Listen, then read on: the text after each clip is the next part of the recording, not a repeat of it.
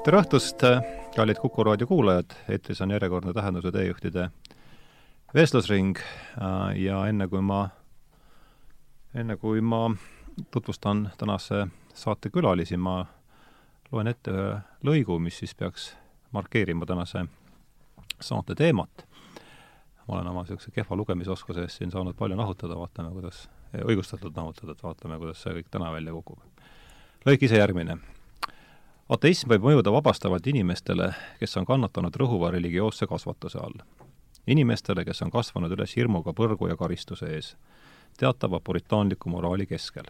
Neile on ateism vabastav. see tähendab näiteks, et seks ei ole midagi, mille pärast end süüdi tunda. nii et ateism võib selles staadiumis inimeste jaoks olla üsna atraktiivne. aga praeguses Euroopas on vähe inimesi, kes on saanud sellise religioosse kasvatuse ainult. ainult viis protsenti Inglismaa elanikest tegeleb regulaarselt mõne religioosse praktikaga. suurem osa lastest kasvab üles ilma ühegi religioosse, religioosse praktika, ühegi religioosse ees, religioosse eeskuju või ühegi religioosse doktriinita. ilma religioosse surveta, religioossus kordub siin pisut palju. nii et ateismi mõju ei ole enam vabastav, küll aga depressiivne. ateismi järgi on põhimõtteliselt kogu maailm eesmärgitu. evolutsioonil ei ole mingeid sihti, see on vaid pime juhus universum ei liigu kuhugi, vaid on ilma mõtte ja eesmärgita. meie meel ei ole midagi enamat meie ajust ja kui me sureme, siis see kõik lihtsalt pühitakse minema. meie teadvus kaob alatiseks. see on äärmiselt depressiivne maailmavaade. Pole ime, et valdavaks psüühikahäireks ilmalikus läänes on tänapäeval depressioon. massiivne depressioon. miljonid ja miljonid inimesed tarvitavad antidepressante, et depressiooniga võidelda. ja kui meie maailmavaade on nii depressiivne, siis pole see just eriti üllatav äh,. lugesin täna linti nädala kommentaaris, oli siis teinekord, teinekord siis äh, täna seda raadiumis ette lugeda äh,, need on siis äh,, sõnad kuuluvad Briti bioloogile Rupert Sheldrake'ile, antud on need intervjuule Cosmos Magazine ja, ja meil oli siis sel tänasel kuu või lõppenud kuul oli, oli siis nädala kommentaaride märksõnast depressioon ja ja, ja see valik on siis seotud äh, eelkõige selle, selle teemaga.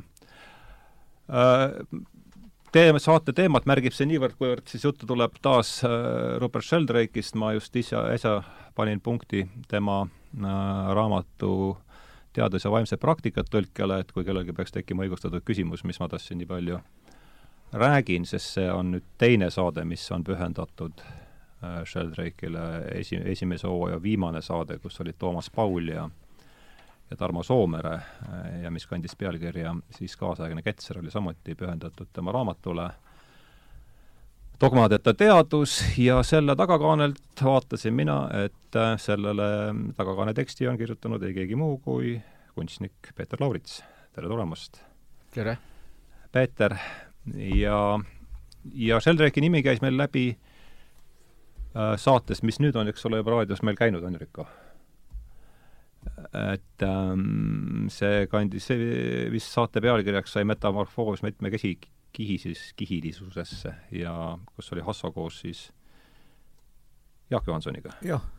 ja seal sa ütlesid sellisele, Sheldrak käis seal korraks lihtsalt vilksamisi läbi, et ta on ilmselt Sheldraki mõtlemine osa sellest voolust, sellest voolust, mis on kuidagi siis selle, osa sellest metamorfoosist, mis meid sinna mitmekihisusesse kannab, et ja mis nüüd puutub siis äh, et siin on mul jah, mitu raamatut, Dogmadeta teadus, kus on siis kaanegi teksti kirjutanud Peeter Laurits, Science and Spiritual Practice, siis teadus- ja vaimsed praktikad, mille ma tõlkima lõpetasin ja ja siis selle järg, Ways to go beyond, mille tõlkega ma alustan ülehomme.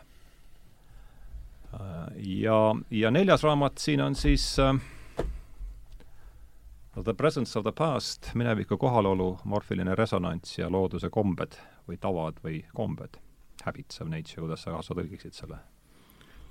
noh, need on siis ikkagi harjumused looduse harjumused. harjumused, just jah, just, just, just, jah.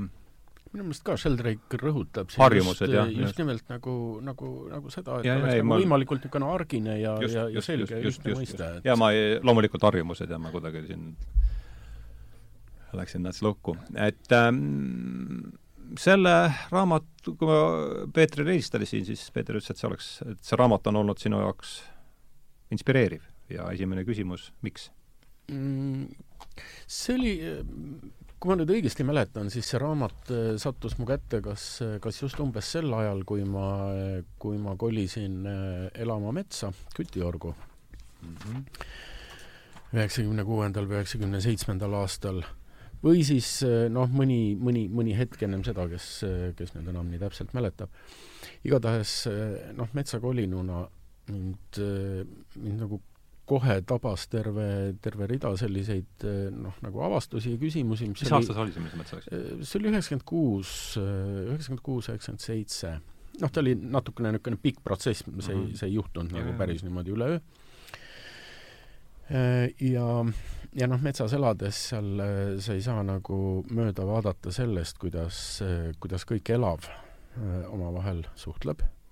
Ja, ja, ja suhtleb nagu väga, väga selgelt ja otseselt noh, nii nagu me, nii nagu me inimeste suhtlust silmas peame, aga, aga ta teeb seda teistmoodi. ja, ja, ja me ei näe päriselt, kuidas see aset leiab. Mm,, mismoodi, mis kanalit nad kasutavad selleks, selleks suhtluseks Äh, aga me näeme nagu selle suhtluse tulemeid pidevalt, seda, kuidas, kuidas see nagu aset leiab, eks ju, kuidas tänu sellele noh, kõik, kõik süsteemid suurepäraselt korreleeruvad, on väga ilusas tasakaalus ja, ja, ja nii edasi. ja, ja just sel ajal, kui kui ma seda nagu noh, järjest detailsemat ja detailsemalt metsas elades märkasin, siis oligi Sheldrake mul nagu äh, riiulil ja see oli väga inspireeriv. oli sul juba enne riiulil? ma, ma ei mäleta. oota, sa räägi-, me räägime praegu sellest raamatust? me räägime täpselt ja. sellest uh, Presence of the Past'ist just, just. ja mm, ma ei mäleta, kas ta oli enne või, või ta tekkis just, just sel ajal, igatahes, igatahes noh, Kütioru algusajal ta oli minu jaoks kohutavalt aktuaalne, ta oli mul pidevalt, ta oli mul pidevalt mõttes. oli see sul esimene raamat olnud või? jah, oli küll. ja siis ähm, sa küsisid, miks ta mind inspireeris äh, aga, aga sellepärast, et need küsimused on mul olnud äh, tegelikult lapsepõlvest saadik üleval, äh, lihtsalt linnas elades mitte nii aktuaalselt kohe, kui ma maale metsa kolisin, sest see Kütioru elamine, see on nagu päris keset metsa, see on nagu otseselt metsas elamine, siis nad aktualiseerisid veel, veel, veel rohkem, veel täpsemini ja, ja, ja Sheldrake nagu nendele probleemidele, nendele küsimustele aitas leida veel täpsemaid küsimusi mm. -hmm. No päris hea, aitas leida veel täpsemaid küsimusi, see on suur, see on tõesti ja, suur asi. ja, ja, ja, ja minu meelest noh, Sheldrake'i fenomen ongi see, et, et ega ta ei anna, ta ei, ta ei topi mingisuguseid, mingisuguseid vastuseid väga palju, mingisuguseid dogmasid, vaid, vaid ähm,, vaid ta, ta oskab esitada väga ilusaid, väga täpseid äh, küsimusi ja heas ja arusaadavas keeles, mis on minu meelest selle asja juures veel väga äh, pluss suurepärane briti huumor. pluss suurepärane briti huumor, see on täiesti, kohati on ikka täitsa Monty Pythoni taseme. jah. Äh, Assa, sa ütlesid väga ilusa mõtte selles äh, ühe parema lause, mis me oleme siit sellest läbi käinud, et kui me nüüd viimases, et et kui asi on huvitav, siis ta on järelikult ka vajalik, et, et noh, just see, et noh, iialgi ei hakka telkima raamatut, see võtab ilmselt äh, tunde, see võtab ju tunde ja tunde ja päevi, et et kui asi poleks huvitav ja, ja ei tegeleks selle teemaga, kui see teema poleks huvitav, et ma saan aru, et see on ka sulle huvitav ja, ja, ja ja miks sa arvad, see on siis järele, järje küsimus on, miks sa arvad, et see on vajalik? noh, peab siis ka tagasi mõtlema, et lugesin ka seal Peetri juures Kütiorus sauna peal esimest korda ja noh, ta niimoodi äh, kohe minu jaoks ei muutunud väga tähtsaks või aktuaalseks. ma sain aru, et Peeter oli, oli väga süvenenud ja, ja tõepoolest äh, metsa ja sellise noh, sellise animistliku mõttemalli kaudu ta kuidagi aktualiseerub kiiresti, aga noh, minu jaoks on ta ehk hiljem muutunud tähtsamaks just sellepärast, et eriti nagu Henri Bergsoniga seoses ja Bergsoni mm -hmm. uuesti aktualiseerumise tõttu, et üks äh, tänapäeva selliseid keskseid küsimusi, noh, mis on ju neuroteadusel ka kogu aeg on komistuskiviks, on see, et äh, mis meie mälu endast õieti üldse kujutab ja et kus kohas kõik need asjad on, mis meile meelde tulevad, miks nagu vahel ei tule miski meelde ja miks vahel tuleb palju rohkem, kui üldse oleks loogiline, et tulla võib ja miks inimestele võib meelde tulla asju, mida nad ise ei saa kuskilt mäletada.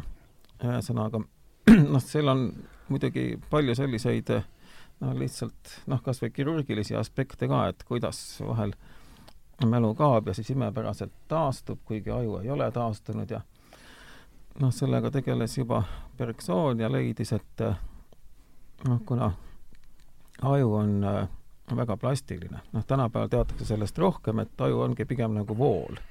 et ta ei ole mingi niisugune valmis tehtud ehitus, kuhu siis hakatakse riiulitesse lükkima neid äh, mälestusi või noh, ta ei ole ka nagu mingi kõvaketas, kuhu salvestatakse seda kõike, vaid et ta on äh, midagi hoopis muud, ta on niisugune pidevas liikumises, noh, pigem nagu selline keeris või, või mingisugune jõestik. ühesõnaga, et äh, tegemist on siis sellise organiga, mis täiesti ilmselgelt iseennast ei säilita. ja siis noh, tekib see Bergsoni algküsimus, et kuidas sel juhul aju saab äh, säilitada nii kaua endas nii palju mälestusi, kui ta ise kogu aeg ennast noh, muudab vabalt ja teisendab ja ümber struktureerub. jah, ühesõnaga, et sellisel juhul see peaks ju tähendama, et meie kõigi mälestused pidevalt ka muutuvad ja nende asukohad seal ajus muutuvad. seda asukohta muidugi ei ole mitte kunagi leitud, noh, vist, mis see oli ka seitsme või kaheksakümnendatel, kui Karl Priibram tegi oletuse, et nad võiksid holograafiliselt olla niimoodi laiali paisatud, et igas Karl, ütle palun veel, Karl Priibram. Priibram, jah. nõrga P-ga? kõva P-ga oh Šveitsi arst. seda holograafilist hüpoteesi ei ole minu meelest tänapäeval väga jätkatud, aga ikkagi noh, see, see küsimus on, et, et kas üldse ajus kuskil need mälestused tegelikult paigas on või on aju nii, nagu Bergson arvas, lihtsalt instrument, mille kaudu mälestustele pääseb ligi. ja Bergsoni arvates see, kus siis mälestused tegelikult on, ei olegi mingi koht, vaid, vaid see, mida tema nimetas kestuseks, see düree, mis on siis äh, aeg, mida ei saa kujutleda ruumiliselt. Mhm. et Bergsoni ja äh, Einsteini suur selline omavaheline kanakitkumine käis ju selle üle, et, et kogu Einsteini aja käsitlus, aja relativeerimine ikkagi äh, põhineb aja ruumistamise ideel ja Bergson eitas seda. kreeklastest alates, eks. jah, nojah. ühesõnaga, et, et kui need mälestused on, on kestuses, siis me neid noh, niimoodi kätte ei saagi, et me noh, kuskile pistame mingisuguse elektroodi või ajame konksu taha mm. Või noh, labi taga kaevame üles, vaid et neid saab ikka, saabki kätte. Kõige paremini sellesama instrumendiga, mis meil on siis äh, meie aju mäletamise vahendid ja meenutamise viis, kuid-, kuidas järjest noh, kiht-kihilt sügavamale minna sellesse, mida noh, Bergson nimetas ka juba virtuaalsuseks, hiljem Gilles Deleuze nagu süstematiseeris selle aktuaalse ja virtuaalse vahekorra.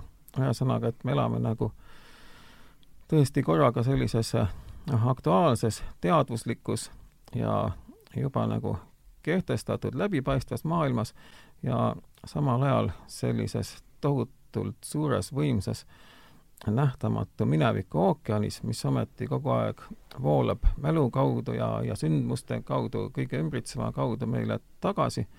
ja see on nüüd siis äh, niisugune idee, mis selles Sheldrake'i nagu, see oli tema läbilöögiraamat ju, eks ole? selline esimene. siis esimene oli New Science of Life, kaheksakümmend kaks kaheksakümmend üks mm. -hmm. see on ikkagi hiljem.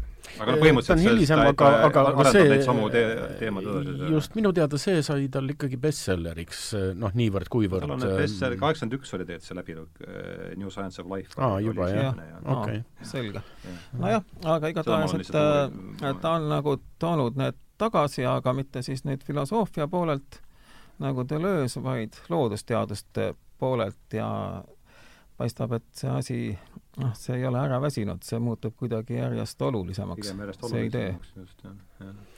no vaata, ta tegelikult toob siia minu meelest juurde veel, veel ühe täiesti uue dimensiooni, on see, et, et tegelikult see ütleme, Bergsoni mälu ja, ja, ja teadvuse käsitlus, see on ikkagi nagu selgelt inimese keskne seal noh, ei, ei tehta nagu juttu, juttu mingisugustest muudest mäludest, aga aga Sheldrake toob tegelikult lavale nüüd kogu biosfääri nagu kõikvõimalikud äh, ja isegi rohkem kui biosfääri. isegi rohkem kui biosfääri, eks ju, ta toob ka tegelikult litosfääri äh, Just, äh, kristallide kogu, näol. jah, selle, mis, mis on kogu sisuliselt. kogu, kogu universum, ühesõnaga jah, nagu alates sellest, mida me oleme, mida me oleme nagu harjunud või osanud noh, nagu elusmaailmaks pidama, eks ju, ja siis, siis sinna juurde nüüd veel ka sellised noh, mikroorganismid, mis äh, noh, meie jaoks on nagu kuskil sellises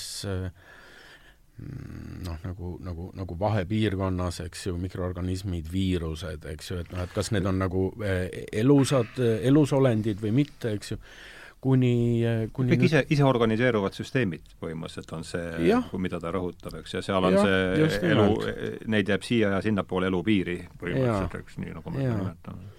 ja, ja see on, see on olnud minu jaoks ka hästi, hästi selline inspireeriv ja silmi avav nagu noh, asi, mida ma lapsena juba noh, kuidagi noh, instinktiivselt tajusin, et, et noh, et ma ei ole siin üksinda aga, aga see, et, et noh, et teadvus esiteks, et ta ei ole nüüd nagu mingisugune noh, esiteks ta ei ole nagu minu kesknärvisüsteemi ikestatud nähtus, vaid, vaid pigem selline, sellise väljalise iseloomuga asi.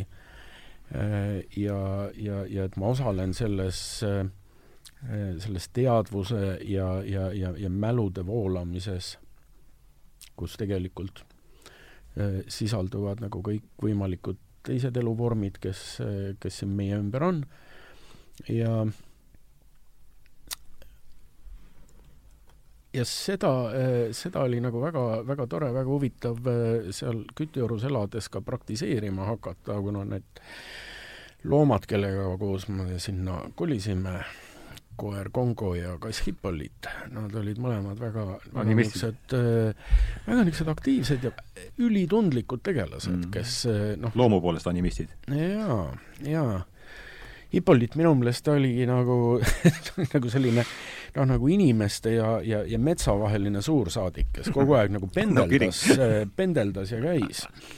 Äh, näiteks äh, seal lähedal olev umbes kolme kilomeetri kaugusel äh, Tammetsõõr, vana hiis, kus tal oli kombeks talviti käia. Mm, -hmm. igal talvel.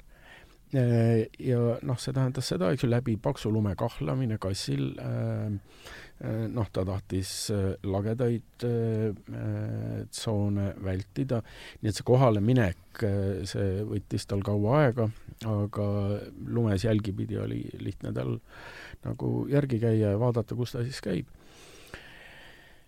Ja ta jõudis tagasi iga kord eh, jah, mingisuguse nädala või paari pärast hästi kõhnana, eh, noh, tead, nagu oleks mingis retriidis käinud laagris. ja, ja mis asju ta seal täpsemalt ajas, eh, mul ei ole au teada aga, aga huvitav oli see, et isegi isegi päris, päris vanast peast, kui ta oli juba täiesti põdur ja tagumised jalad olid tal halvatud siis ta ikkagi lohistas ennast talvel ühe korra vähemalt sinna. Nii, on sul sarnaseid animistlikke mälestusi? no äh, kõik, mis puudutab Kütjärve aega, siis äh, ma olin seal ikka alati koos Peetriga, nii et äh, kõik, mis Peeter räägib, mulle tuleb kohe silme ette. noh, mul endal, kuna ma ei elanud aasta läbi ja seal sama intensiivseid kogemusi ei ole. aga jah, no mis puutub veel sellesse Sheldrake ja Bergsoni vahekorda, siis ega Bergson ju tegelikult ei eitanud, et kogu universum on kestus. et selles suhtes see võimalus nagu võtta kogu elus loodus ja mitte ainult elus loodus, noh, kõik ka eluta looduse tasandid ja ka sellised tasandid, mida me veel ei tunne, universumist, et põhimõtteliselt see kõik kuuluks kestlusesse, lihtsalt noh, tema ei tegelenud sellega, tal olid ka noh, väga suuresti sellised matemaatilised ja, ja füüsikalised huvid. et ta, ta ei olnud nii, nii eluvormide huviline, kui, kui nüüd Sheldrake juba oma lähtekohtade poolest mm -hmm. oli. aga noh, mulle tundub, et äh, siin ikkagi samas noh, selle mälu küsimuse puhul on oluline see inimkultuuri külg ka ja noh, väga kaua aega on ju noh, koos sellise mehhanistliku teadusega, mida Sheldrake kritiseerib algusest peale, on ju käinud ka kaasas niisugune hästi naiivne ja primitiivne muistsete pärimuste tõlgendamine. Ja noh, see, kuidas üheksateistkümnendal sajandil üritati vanu müüte seletada, noh, sellel küll olid juured juba sellises Vana-Kreeka euhemerismis, aga noh, sellegi jah, euhemeerose järgi, kes arvas, et jumalad on tekkinud mingitest noh, kunagi elanud noh, tugevatest meestest ja sõja, sõdalastest ja ja ilusatest naistest, kelle, keda siis pärimus on lihtsalt nagu ilustanud ja suurendanud, et lõpuks nad muutusid jumalateks. ühesõnaga, selline ratsionaliseeriv, lihtsustav seletus oli Vana-Kreekas juba olemas. et seda siiamaani nimetatakse euhemerismiks, aga muidugi selle kõigega mindi siis üheksateistkümnendal ja ka veel kahekümnendal sajandil palju kaugemale, kuni siis lõpuks tuli Claude Levi-Strauss ja hakkas seda, noh, seda kõike koos lammutama, et pärimus ja Strauss oli see, kes läks selle vastu? Levi-Strauss ikkagi on nagu, ta on keskne nimi selles suhtes, et, et ta müütilise või selle metsiku mõtlemise aktualiseeris täiesti võrdväärsena sellega, mida me peame ratsionaalseks mõtlemiseks.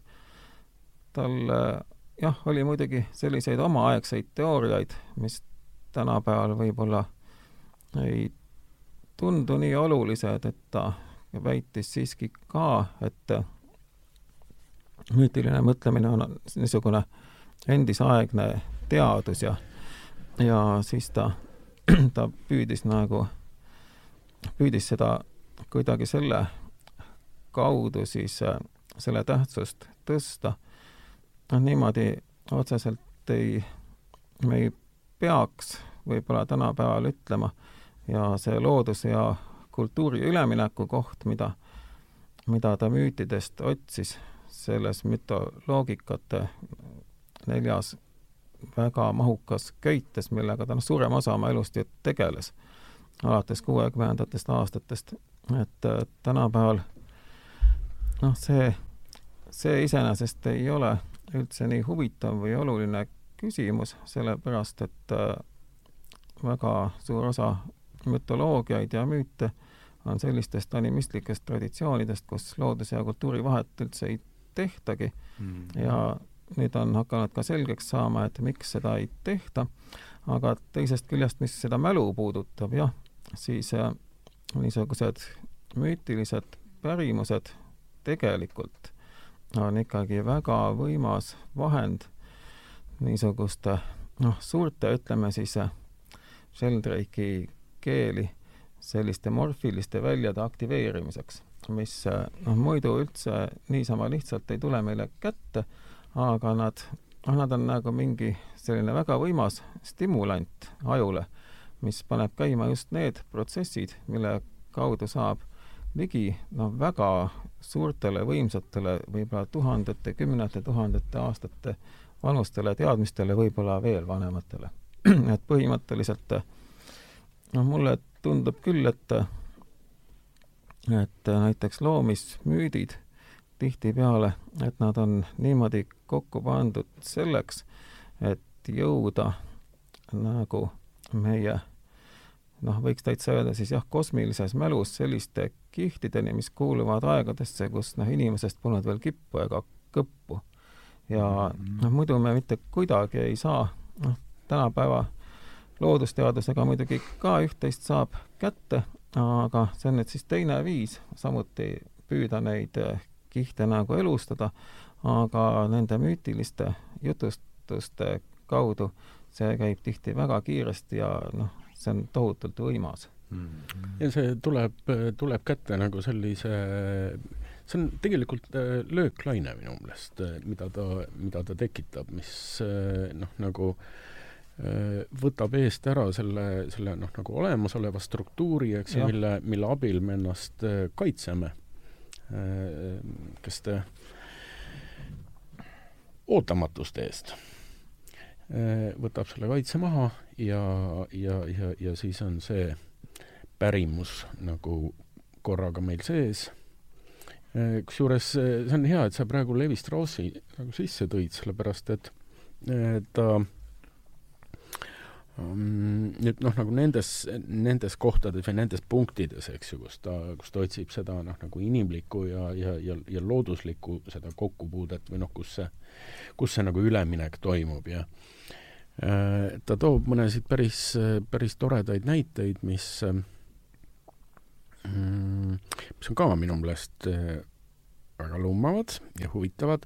Näiteks oma keelejuhtidelt ta üritas looma- ja taimenimesid äh, nagu noh, üles kirjutada ja kataloogida, eks ju, et mm, -hmm. et nagu äh, keelt uurida ja selgus, et, et seal nagu mõned keelejuhid suutsid keelejuhte nüüd?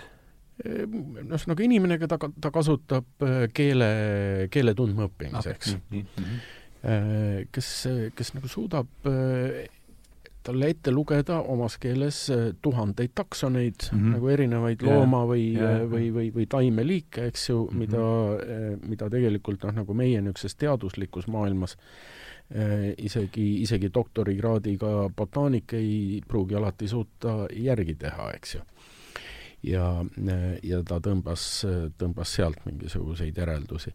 aga jah, mulle praegu nüüd see Hasso äh,, Hasso toodud, toodud skeem nagu sellest, sellest nagu müüdi toimimismehaanikast, see on see on nagu minu meelest nende, nende vanade pärimuskultuuride puhul nagu tegelikult palju, palju olulisem, kui, kui leida nagu noh, nendest, eks ju, mingisuguse sellise äh, noh, meie, meie teadusliku äh, maailmavaate paralleele või mm või, või mingisuguseid teisendusi, sest, äh, sest noh, ühesõnaga see selline müütiline teadvus, mis, äh, mis nagu aitab meil eest ära koristada neid, neid tõkkeid ja enesekaitsemehhanisme, et et miski muu meile ligi pääseks, et me, et me nagu ulataksime sinna, kuhu me tegelikult mitte ühegi teise trikiga ulatuda ei saa.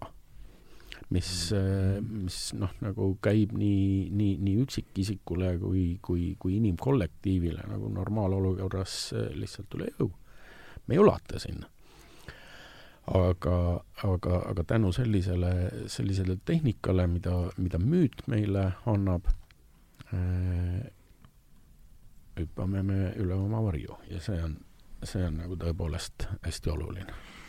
see Bergson on jah, ta on ise tunnistanud, et Bergson, Bergson äh, koos Goethega on tema seda mõtlemist äh, palju mõjutanud ja jääme praegu vahest Bergsoni juurde, et kuidas see, see kestvuse mõiste on siin tõepoolest äh, ju keskne, eks, et ole hea, katsuks siit veel natuke urgitseda seda, et kuidas sa saad sellest äh, ilmselt on ka prantsuse keele taju äh, tuleb kasuks, eks, et see düre, mis ta on, düre, kuidas ta, kuidas ta prantsuse keeles on, see kestus? ongi düre, et äh, ja see tuleb, etümoloogia, ma selle vaatasin järele, see on mingi niisugune kõvaduse aspekt, on see vastupidavus, durable ja kõik see tuleb jah, sealt, eks ole. nagu see eestikeelne sõna ka, et äh, soome keeles ju sama sõna kesta tähendab mm -hmm. siiamaani nagu millelegi vastupanemist või vastu seismist, vastupidavust ja mm, -hmm. ja eesti keeles ta on ka mitmetähenduslik, et see noh, see etümoloogia võib-olla on, on mõnes mõttes ka ehk natukene isegi ühekülgne, sest et ta, ta tõesti viitab siis ennekõike sellele, et on mingid asjad, mis on justkui püsivad, aga või vastupidavad, hästi kestlikud, aga teisest küljest ikkagi äh, tegemist on niisuguse puhtalt äh, ajalise mõistega ja ta keskendub sellele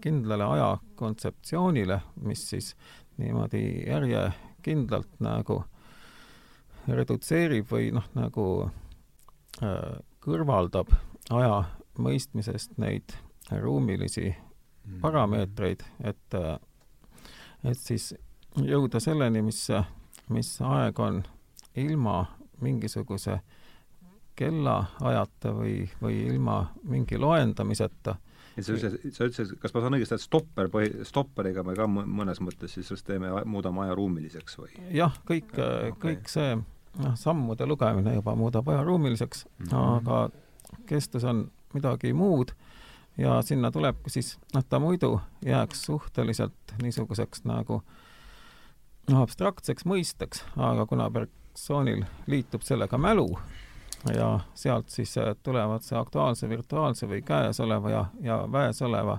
vastandus, et me samal ajal kuidas no, käesoleva ja väesoleva? jah, see on see Margus Oti tõlge mm., mida ta on, no Ott kasutab enda filosoofias seda ka, ta on selle nagu üle võtnud ja käesolev ja vä-, versus väes, päris huvitav. see väga huvitav lõin äh,. hästi, hästi niimoodi efektselt töötab, aga eks see natukene ikkagi on äh, sinnapoole ka, mis noh, sellistes vanades õpetustes juba on sees, kus öeldakse, et noh, nähtavast maailmast veel äh, võimsam on tegelikult meie jaoks nähtamatu maailm. me lihtsalt noh, kõik inimesed ei, ei julge või ei taha seda tunnistada, aga noh, eks see nähtamatu maailm ongi see väes olev, see ongi see kestus tegelikult. kusjuures ma just mm. mõtlesin, et kahju, et äh, Margus Otti meie seltskonnas praegu ei ole, et äh, ma oleksin no, kangesti jah. tahtnud, äh, ma oleks kangesti tahtnud just praegu küsida ta käest, et kas seda, seda Bergsoni kestust, seda düreed saaks näiteks hiina keelde tagasi tõlkida näiteks taoks no vot, siin nüüd räägiks Margus ilmselt väga pika jutu. mulle tundub et, küll jah, et äkki isegi ma, on meie ajalimiidi suhtes nagu hea, et seda jah aga ma arvan, ma arvan, et selle me teeme Bergsonist saate ju ometi. nojah, jah, seda kindlasti, loomulikult kindlasti. No, kui ta Eestis on, jah ja. mina mõtlema selle üle, käisin, olin nädala alguses Portos ja seal on see kõrge sild ja noh, see Bergsoni mõte on ikkagi, ma üritan talle ka kuidagi pihta saada oma väheste võimete piires, ma, kui ma sealt kõrgelt sillalt nüüd, äh, ma ei tea, kuidas teiega on, aga mida, mingi, kui ma olen kuskil kõrge silla peal, siis mingi osa minust äh, ikkagi tahab sealt alla hüpata. ja teine osa passib, et äh, kurat, et ära mine sinna lähedale üldse aga siis ma mõtlesin, et kui see osa, mis sealt alla tahab hüpata, ikkagi sealt alla hüppaks, et siis stopperiga kestaks see lend, noh, ma ei tea, mis ma sealt tuleksin, mingi paar sekundit ikka või? Et see oleks äh, Newtoni ja Einsteini aeg. päris aga... mitu sekundit, see on, see on, see on üsna kõrge sild. aga ma kujutan ette, et see Bergsoni aeg, äh, see võib olla noh, no see on midagi muud. see on midagi jah. muud jah, et kui pikk ta ka ei ole, see on täiesti midagi muud, et see on see, kuidas see sõna pikk tegelikult ja. ka niisugune traditsiooniline ajaruumistamise äh, nagu tava on meil juba olemas. ja just nimelt, jah. pikast ja lühikesest ajast mm. -hmm. miski asi on kaugel meile ajas, miski on nagu lähedal, miski tuleb lähemale. jah, see kas annab me, juba ruumilisuse aspekti. juba sõna tulevik ja minevik on tegelikult ka tulemine ja minemine, eks kas, ole. kas me, kas me saame sellele kestusele siis äkki lähemale, kui me, kui me suudame nagu endast välja lülitada selle noh, mingi äh, järjestatuse idee?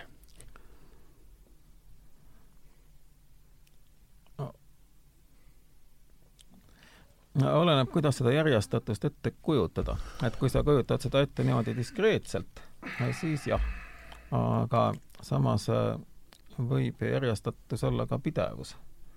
et kui ta on yeah. pidevus, siis ta on ikkagi kestuse osa, et mm -hmm. kestusele on pidevus väga omane.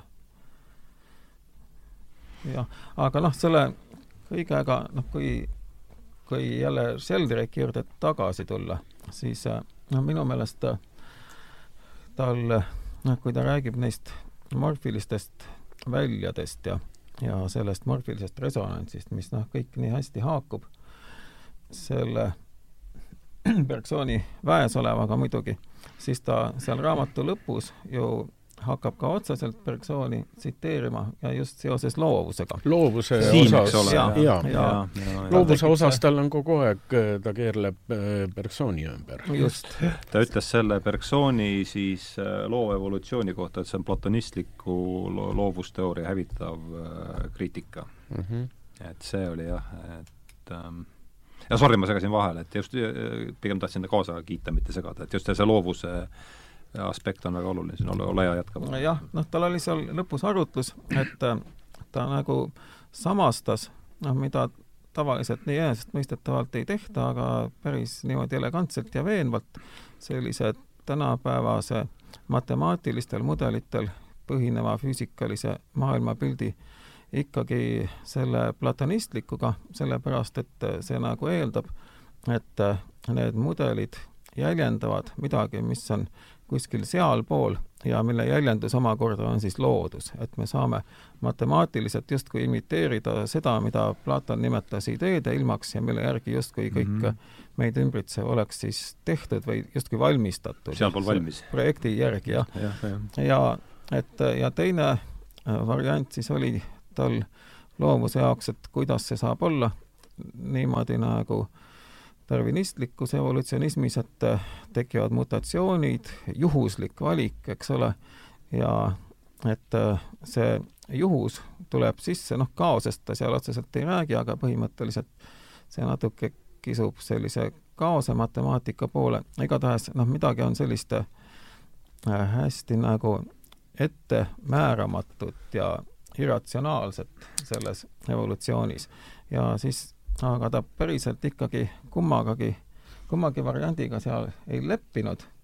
ta jättis selle küsimuse justkui lahtiseks ja noh, mina mõtlesin, et noh, mulle tundub nii, et see on nüüd ka selline asi, millega on ammu tegeldud ja just noh, nendes vanades müütilistes pärimustes noh, sellist loovust, mis nagu samal ajal on justkui juhus ja samal ajal ka võiks esindada äh, mingit äh, noh, mudelit, aga ta alati lõhub selle, see on ikkagi pärimus sellisest äh, maailma loomise jätkajast, noh, või keda on siis antropoloogias nimetatud triksteriks, kes väga tüüpiliselt nagu tegutseb edasi pärast seda, kui mingisugune kosmiline kord on valmis, ühesõnaga eeldatakse, et mingisugune äh, süsteem on juba kehtestatud, mingi noh, selline maailmade kihistus või mingi struktuur on paika pandud, samal ajal see kõik võib ikkagi muutuda,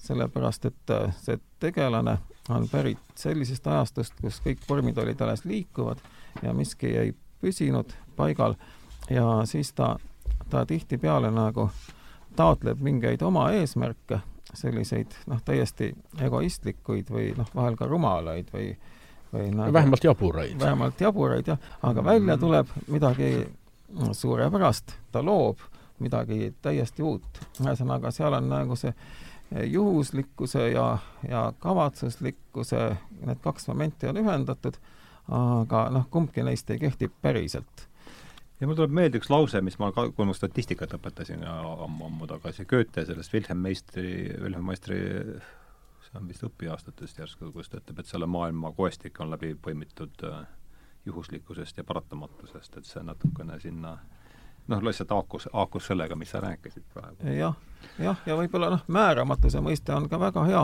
ja muidugi noh, määramatus on isegi parem seal vist või see tänapäeval tegelikult matemaatikud ka ikkagi on leidnud, et noh, see matemaatiline mudel ise on tegelikult, äh, see ei ole koherentne et on võimatu matemaatilist äh, maailma ennast äh, lõplikult süstematiseerida.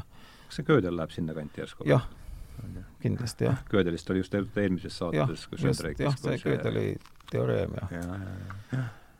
väga huvitav, väga, see on väga huvitav, et sa tõid, tõid selle muutuse, sest ta ta selle raamatu lõpus, ma ei ole seda veel nii põhjalikult läbi töötanud, aga ta just rõhutab viimasel ajal eriti neid äh, kolmainsuse erinevates religioonides, siis kristluses ja, ja hinduismis ja otsib seda kolmeosalist äh, struktuuri. ja, ja nii palju, kui mina sellest aru saan, et see, see kolmainsus, mida tema rõhuta-, rõhutab, on siis olemise põhi, mis võiks olla, ma ei tea, võib sellest täitsa natukene äh, rääkides, et et esimene oleks siis olemise põhi, teine diskreetsed vormid, mis siis lõikavad sellest kaosest mingid meile arusaadavad tükid välja ja kolmas on see muutuse printsiip, ehk siis noh, kristlikus kosmoloogias siis isa oleks see olemise põhi, mm, logos äh, poeg siis diskreetsed vormid ja, ja, ja, ja see Äh, muutuse printsiip, siis püha vaim, et noh, teistest, teist, teisi kosmoloogiaid ma tunnen, tunnen halvemini, aga ta seda on just viimasel ajal päris palju rõhutanud ja, ja siin viimases vestluses Mark Vernoniga oligi juttu just eraldi, kahekümne minutine vestlus oli nendest äh, kolmainsustest, et kas siin on midagi, et oleks huvitav kuulda teie selle vähese põhjal, mis ma siin oskasin praegu kokku panna, et kas see kuidagi haakub kuuldu-nähtu sellega, mis olete ise varem mõelnud. et just see, et kus see, noh, see kaos, ürgkaos kui mingi see mulle, mulle, mulle meeldib see inglisekeelne see väljend, see ground of being, et et ma ei tea, kas sa, kuidas sina selle tõlgiksid, Asso, või? kuidas see? seesama ground of being, et kuidas sina selle olemise põhi, olemise põhi on päris adekvaatne, mulle tundub.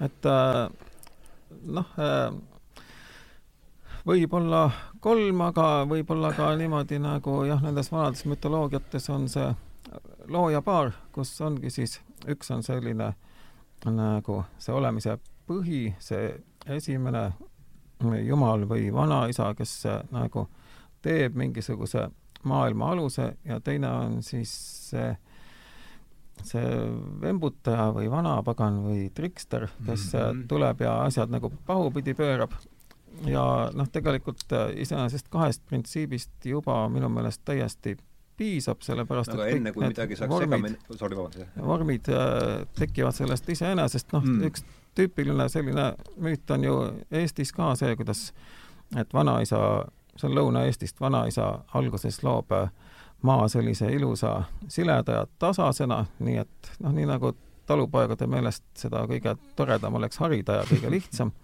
siis nad lähevad õhtul äh, koos äh, vanapaganaga sauna, ajavad seal juttu ja siis äh, vanapagan ütleb, et oota sa siin, ma lähen toon natuke vett. aga siis ta läheb välja ja võtab sealt need maailma loomise riistad, mis äh, olid välja jäänud vanaisal ja kiiresti loob mäed ja orud ja jõed ja järved ja kui see tuleb välja, siis näeb, et oh, kõik on juba ära rikutud, aga ja ühe teise, teise teisendi järgi lihtsalt äh, läheb välja ja, ja, ja nügib seda maad natukene kokku, et tekiks selline äh, rõuge, rõuge kuppelmaastik. jah, no neid on igasuguseid nagu. no see on siis ikkagi see korra ja kaose mingil määral niisugune ähm, vastandus või kuidas sina, Peeter, sellest aru saad mm,? kui sa kahe struktuuri vaatad? no kui nüüd kahe struktuuri vaadata, no seda võib äh, noh, nagu ikka, vaata need dualistlikud süsteemid on sellised, et sinna võib äh, sinna võib nagu külge kleepida paljusid, äh, paljusid erinevaid äh, asju.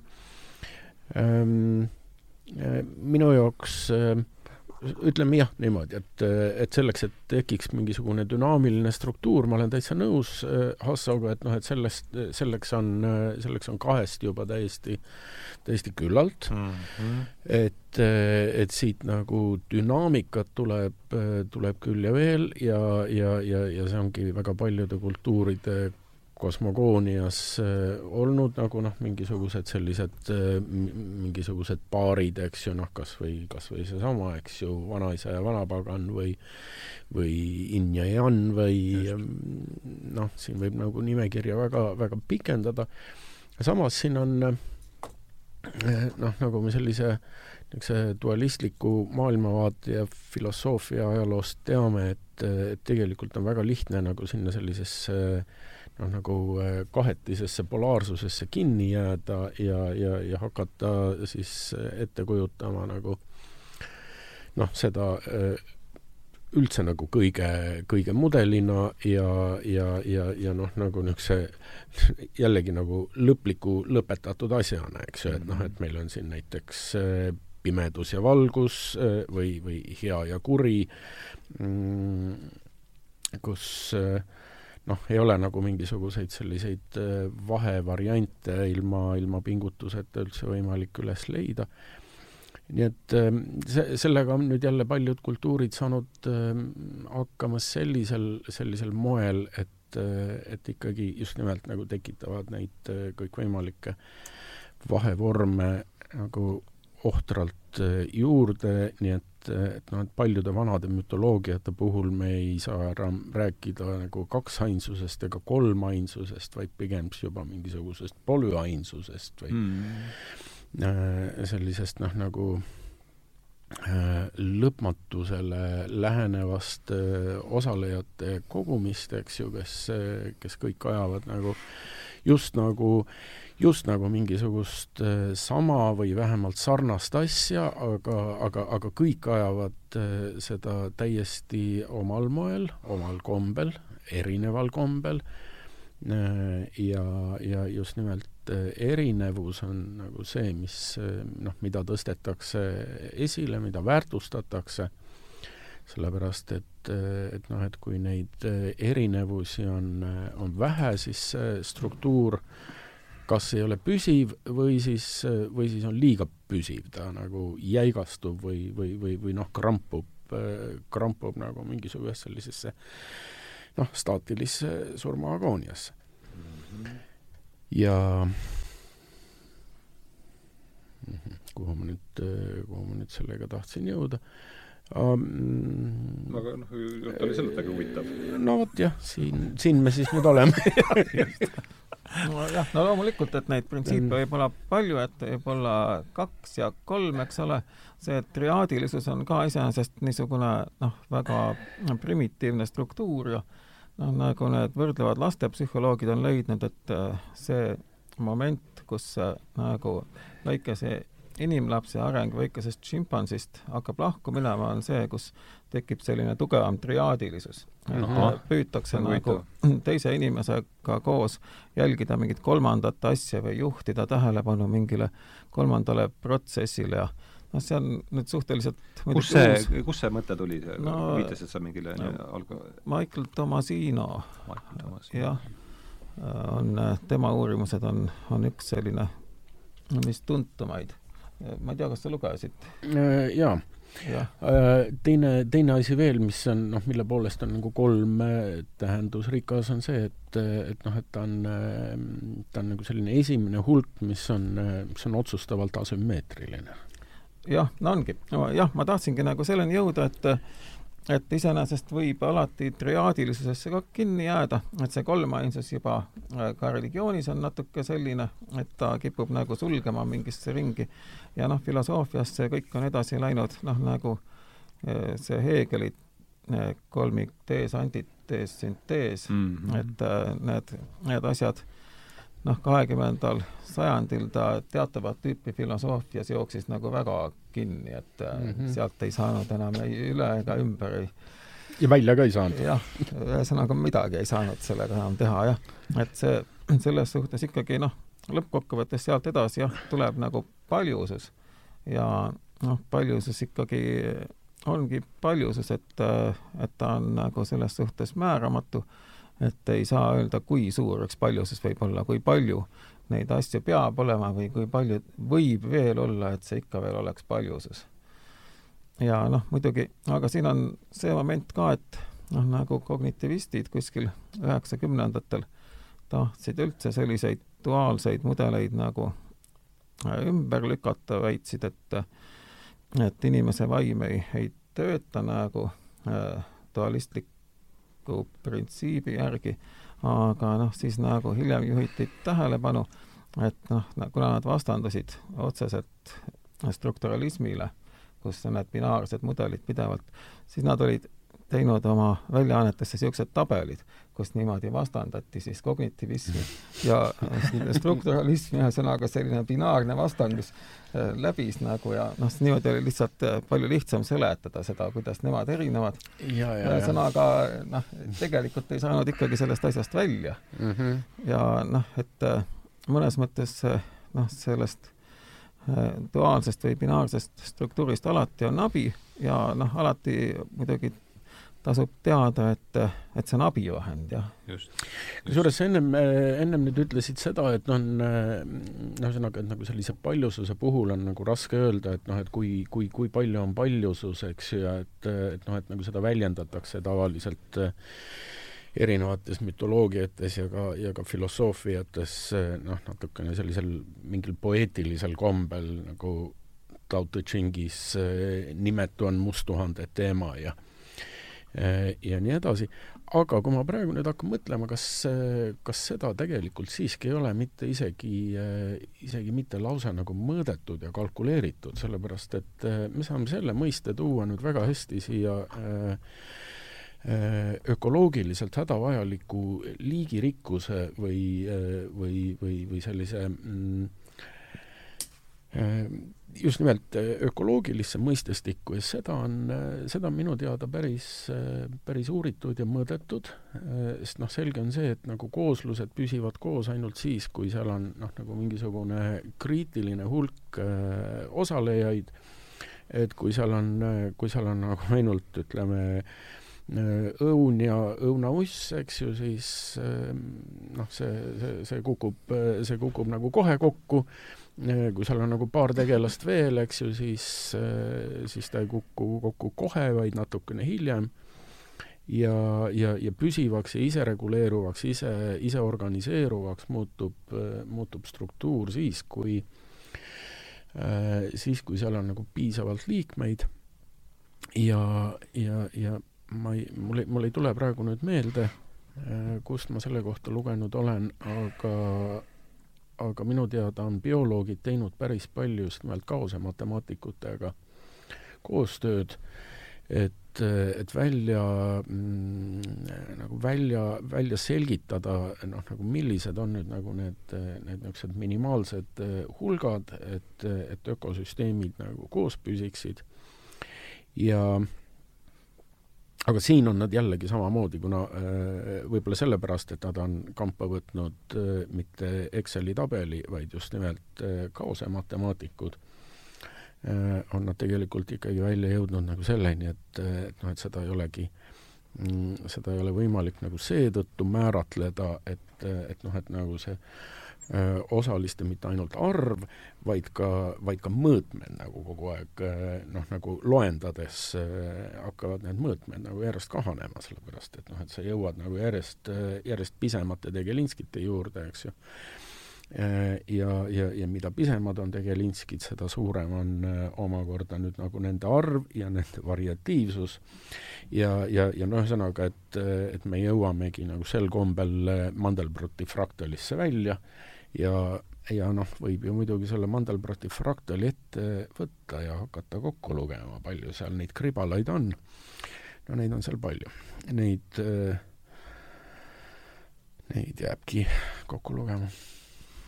Nojah nii see, nii see on, et ega see Excel või tähendab, kaos Excelisse ei mahu juba. kuidagimoodi, isegi selle... siis, kui Excel oleks ja. nagu kolme või ma ei tea, mitme mõõtmeline ja sellest ei saa tingimata Excelit jällegi süüdistada, nagu meil on ka üks kahetsusväärne komme, et, et nagu Excel oleks saatanast. Excel, Excel lihtsalt Excel sobib, sobib teatud tööde just. sooritamiseks täitsa hästi.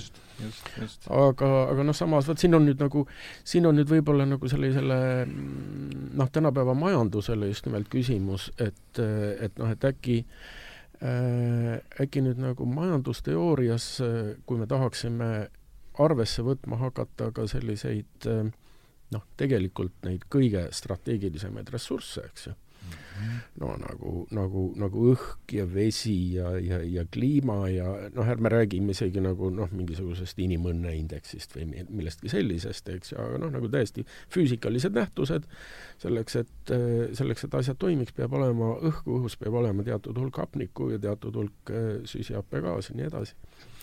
Et nüüd, et nüüd noh, nagu neid, neid mõisteid bilansiliseks äh, viia, äh, milleks ju tegelikult vist oleks põhjust, Äh, aga, aga selliste, selliste mõõtmete bilansiliseks viimiseks äh, meil vist Excelist ei piisa, et äkki meil oleks tarvis nüüd nagu mingisugust äh, komplitseeritumat majandusteadust või on sellele hoopis, hoopis mingisuguseid muid lahendusi? no jah, see majandusteaduses kui sa juba küsisid, siis no ma arvan, et ma üritan lihtsalt tõlkida seda, et mida tähendab bilansiliseks viimine, et noh, bilanss on alati, et asjad on millegi bilansis, et see tähendab eelkõige omandiõiguste.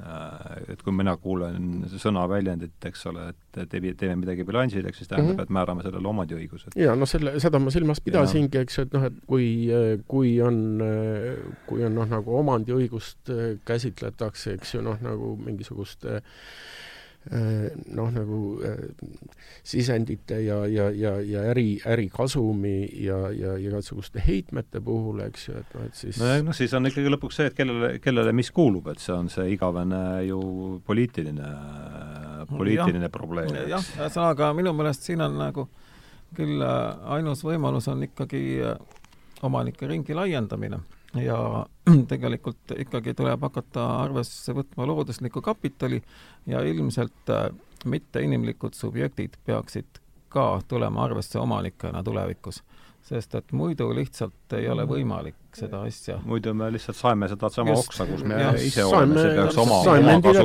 oma kasu peaks olema siin kas või juba, kui keegi muust aru ei saa, et siis ja. see peaks olema nagu piisav argument, ma arvan aga ei, lihtsalt see, ma, võib-olla seda teeb, see viib meid sellest saate põhiteemast, aga võib, ta ei vii ka kaugele nii väga, aga ma mitte ta, väga kaugele, aga jah, üks viib. ja kui siin Excelist juba juttu tuli, see üks teine raamat, mis ma tõlkisin eesti keele, oli tuhande üheksasaja üheksakümne esimese aasta Nobeli majandusauhinna laureaadi Ronald Coase artiklikogumik Firmaturg ja õigus ja seal on niisugune tore, mm. tore lause Exceli kohta, et et minu nooruses öeldi, et see, millest on liiga rumal laulda, et selle, ei, see, millest on liiga rumal rääkida, et selle võib panna, see, millest on liiga rumal rääkida, sellest tuleb laulda mm. -hmm. et moodsas majandusteaduses võib selle panna matemaatikasse, et see oli tema Gauss'i et noh, seal on, on, ja Gauss, ma arvan, on just nende keskkonnateemade puhul üks olulisemaid autori, see ühiskond, ühiskondliku kulu probleemist võiks teha teinekord täitsa kui see teema juba tuli üles, siis see võib täitsa teha, oleks huvitav äh, kuulda, mis teie sellest äh, mõtlete. aga tuleme tagasi selle Presence of the Past juurde äh,, siis mineviku kohalolu. kestus ja selle seotus mäluga, see no on käinud siit läbi ühte kui teistpidi see asi. ja, ja, ja tuleme selle mälu juurde tagasi ja seesama ikkagi The Habits of Nature, et siis veel kord äh, raamatu pealkiri on Mineviku kohalolu, morfiline resonants ja looduse harjumused. kestus äh,, mälu, harjumused ja ikkagi see Bergson tuleb siin, no veel kord, ta on, Sõlderk on ise rõhutanud, et Bergson oli väga-väga äh, oluline selle, selle tema morfilise resonantsi teooria väljatöötamisel äh, ja, ja mul on hästi jäänud meelde, ma lugesin Bergsoni nüüd sel suvel ja see lause, et, et kõik ja, ja, ja olge hea, aidake mul sellele kuidagi rohkem küüsi taha saada, et Bergsoni lause loovas evolutsioonis, mis mul on väga meelde jäänud, on see, et kõikjal, kus midagi elab, on kuskil avatud register, kuhu aeg end kannab. et kuidas, kuidas seda, aru, katsuks pühendame kohe natuke aega sellele lausele, et mida, kuidas teie seda mõistate? Kord, kõikjal, kus midagi elab, on kuskil avatud register, kuhu aeg end kannab. päris äh, ei jäta poeetiliselt minu arust midagi see on väga, see on väga poeetiline. eks ole ju, väga, ilus, ilus., väga ilus lause minu arust. on, on, see on nagu see on nagu luulekogu pealkiri. eks ole, luuletus ise. ja luuletus ja, ise samal ajal. stiilimeister on ikka võrratav. on, on, on. aga oskate ehk midagi no mina saan aru, et tegelikult äh, see, mida Sheldrake nimetab nendeks morfilisteks väljadeks, see tegelikult ju ongi see register ja -hmm. et äh, see tema formatiivne kausatsioon või kuidas seda tõlkida, noh selline no, ütleme äh, moodustav põhjuslikkus moodustav põhjus. moodustav põhjuslikkus Vor, just, et noh, et nagu või vormiv põhjuslikkus. või vormiv. või vormiv põhjuslikkus, jah.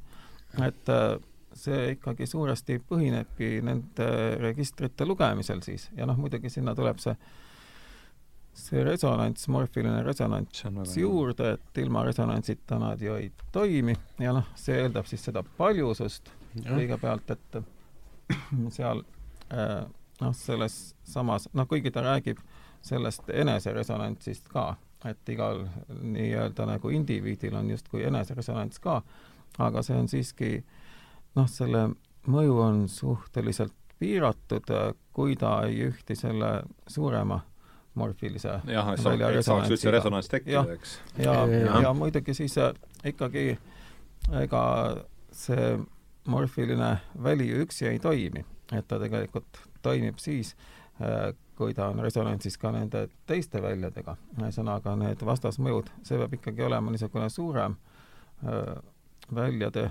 süsteem, sest noh, kui hakkab sealt palju neid väljasid välja langema, siis äh, siis lõpuks väli ise ei, noh, ta ei olegi nagu enam mingi väli, ta on siis noh, selline no register küll, aga noh, kui kui seda registrit enam keegi lugeda ei oska või, või kui ei ole kellelegi seda registrit lugeda, et eh, milleks ta siis üldse või et mm -hmm. no selles suhtes ikkagi noh, see paljususe printsiip on tohutult tähtis ja noh, see, see tõesti haakub tänapäeval noh, kõikvõimalike äh, keskkonnaprobleemidega demograafiliste probleemidega, kultuuriliste probleemidega et enesereflektsiooniga no,. sest noh, juba, juba, juba, juba see oleks minu meelest väga, väga suur samm edasi, kui,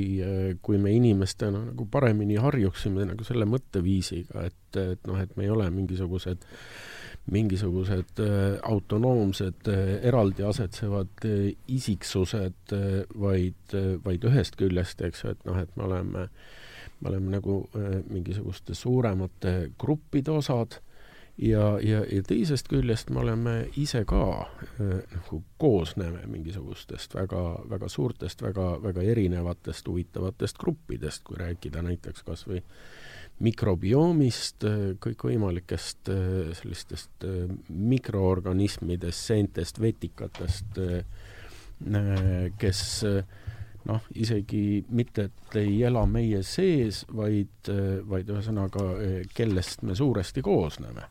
kellest ja, me elame tegelikult. kellest jah. me elame ja kellest, kellest me koosneme, eks ju, kes meie eest nagu suuresti langetavad paljusid väga strateegilisi otsuseid,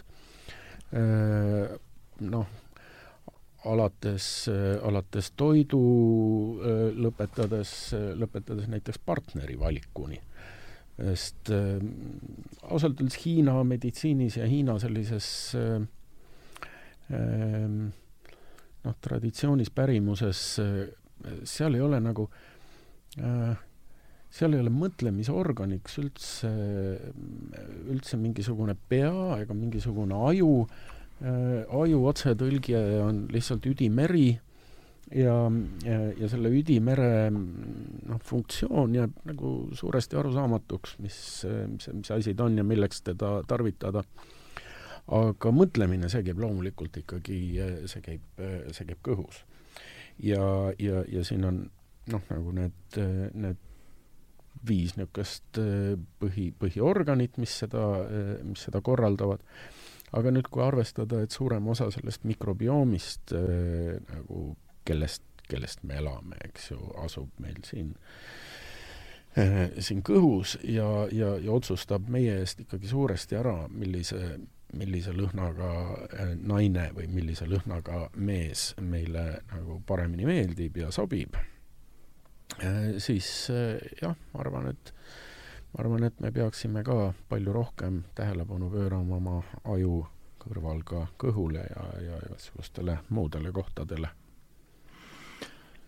nojah, eks see on see sa-, siin paar saadet tagasi olid äh, rääkisime Aristotelesest ja oli siis Jaanika Päll ja, ja Jaan Kivistik ja just see Jaani mõte oli see, et et miks need asjad on huvitavad ja järelikult miks see teemad on, et meil on ikkagi mingi niisugune igatsus terviklikkuse äh, järele pärast seda, kui noh, ta räägib siin Saules selles samas raamatus, et tal tekkis äh, tal tekkis üldse äh, huvi uue lähenemise vastu siis, kui ta oli seal äh, Cambridge'i molekulaarbioloogia laboris neid tuvisi jahvatanud äh, pulbriks, eks, et siis molekuli tasandil hakata tuvi niimoodi taaslooma. et siis sai aru, et midagi, et selles asjas on midagi vilest, viltu, aga ei suutnud probleemi sõnastada enne, kui siis luges seda Helleri, Helleri essee, kahte esseed Goethest, et see pani asjad, asjad perspektiivi. Et ähm, ma ei tea, palju sul, Asva, on olnud Goethega, me oleme siin Bergsonist äh, rääkinud, just selle Goethe teadusliku poolega pistmist, et äh, oskad sa siin midagi ütelda sõna, sõna sekka, need olid väga huvitavad esseed äh,, mul kahjuks äh, ma jätsin selle maha. väga, aga noh, loomulikult ma tean tema värviõpetust ja tean kõike noh, natuke ka seda, mida Rudolf Steiner sellest edasi arendas ja et selles suhtes see on ju olnud väga mõjukas mm -hmm. Saksa traditsioonis eriti, aga aga väljaspool ka, et äh, loomulikult Goethe oli juba esimesi, kes sellist Newtoni mehhanistlikku maailmapilti hakkas kritiseerima ja noh, selleks ta valiski kõigepealt selle Newtoni värvikäsitluse kriitika, et äh, tema jaoks siis värvid ei olnud mitte no niisugune spekter nagu, nagu moodustub Newtonil, vaid äh, nagu valgest, valgest valgusest tulevad. jah, just, et vaid oli valguse ja pimeduse segunemine. ja sellega ta jõudis hoopis teistsuguse teooriani, seda kaua aega peeti lihtsalt mingiks tema veidruseks, aga tegelikult äh, noh, ta teadis küll, mida ta teeb ja miks ta seda teeb ja see, noh, see kõik ei ole ilma mõjuta jäänud. noh, ma arvan, et noh, iseenesest muidugi äh, jah, kas Goethega või ilma, aga et, et tänapäeval noh, kui, kui nagu jah, Bergsonist minna teisele poole, jälle ruumilisemale poolele ja jah, mis siis algab ehk osalt jah, valgusest ja värvist, aga tegelikult jõuab välja noh, metsa ja maastikuni ja et siis ikkagi noh, seal on ka on paljusus väga tähtis, et aga selleks, et me aru saaksime, noh, mida see paljusus endast kujutab, et me suudaksime teda nagu päriselt tajuda ja liigendada, selleks peab kuidagi üle saama sellisest äh, ruumi ja maastiku käsitlusest, mis noh, viimase paarisaja aastaga on peale tunginud, et, et maastik on lihtsalt selline Äh, homogeenne ruum, mida ekspluateeritakse, sealt saab siis noh, midagi kaevandada või midagi maha võtta või ühesõnaga, sealt saab midagi võtta. Ja see, mis järgi jääb, see pole üldse nagu tähtis, sellepärast et äh, väärtus on ainult see uus, mis toodetakse sellest ja noh, kui mingi tühermaa jääb järgi, siis võib ju prügi pärast sinna vedada, eks ole. et niisugune olnud, on kaua aega olnud see põhiettekujutuse, aga noh, see vastandub täielikult niisugusele vanale pärimuslikule maastiku tajule, kus noh, maastik on üleni, on liigendatud, seal on mõned kohad on väga tähtsad, mõned on nagu lihtsalt paigad, kust minnakse läbi ja siis on noh, sellised äh, hästi suure väega nagu pühamad paigad ja ja kõigel on äh, mingisugune nagu ajalugu, mingid tähendus, need on, on isiklikud seosed ja siis on müütilised seosed, mis lähevad ei tea kui kaua ajas tagasi ja ta on nagu selline põiming, selline tihe ruum ja seal üldse, et hakata seda maastikku omal käel natuke ümber kujundama, enne peab kõvasti mõtlema, et noh, kus võib ja mida teha ja kus üldse sa saad ja tohid istuda või astuda? Just, ja, ja, ja, ja minu meelest nagu selle, selle mõtteviisi nagu niisuguseks hästi reljeefseks väljenduseks on ju äh, Austraalia paljude rahvaste pärimus ja, ja ja käsitlus nagu sellest, sellest maastikust, sellest ruumist, kus nad elavad. Ja, ja, ja neil ka äh, noh, neil on ju ka tegelikult see ajakäsitlus sellega väga, väga, väga põnevalt äh, põimunud ja mulle väga meeldis, kuidas, äh, kuidas Hasso tõlkis nende noh, see on muidugi nagu niikuinii juba kaudtõlge mm, inglise keeles, see Dreamtime. Dreamtime, jah ja.? millal see oli? Millal oli Dreamtime? ei, ma mõtlen see, millal see tõlge oli? noh, Hasso tõlkis seda, millal sa tõlkisid, üheksakümnendate lõpul millalgi Mis eesti kui me rääkisime sellest, muinasuni. muinasuneks. see on eraldi, kas see on eraldi kogu või?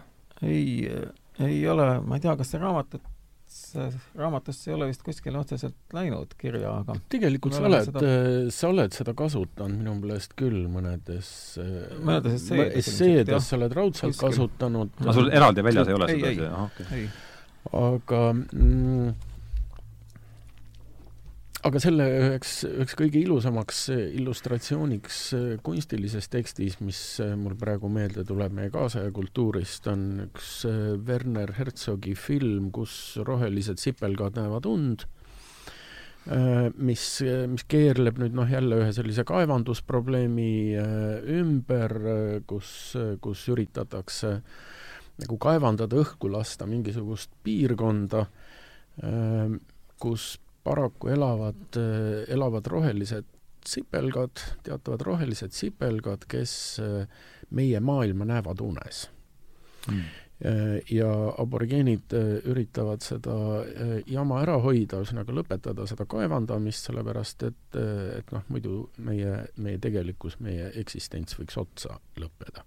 aga nüüd selles filmis on veel üks, üks selline üks selline episood, kus selline mm, püha paik, kus jälle mingisugune, mingisugune rahvas, mingi küla, mingid inimesed on, on harjunud äh, nagu sealtkaudu käimas, käima oma, oma sinna muinasunne mm. -hmm. sinna peale on ehitatud mingisugune bensukas ja selle, selle selvehall ja äh, aga selle, selle paiga vägi seetõttu sellegipoolest ei äh,, ei ole muutunud ja, ja, ja külarahvas käib endiselt äh, teatud päevadel, teatud aegadel seal selle bensujaama lavka äh, riiulite vahel äh, istumas ja didžeriduud mängimas.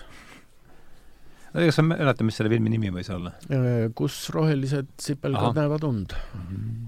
The Green Ants Dream oli vist, jah ja.. ma pole isegi kuulnud seda. mis on ta vanas, varas, eelmine kord käis meil see Grizzlyman läbi, eks ole. jaa.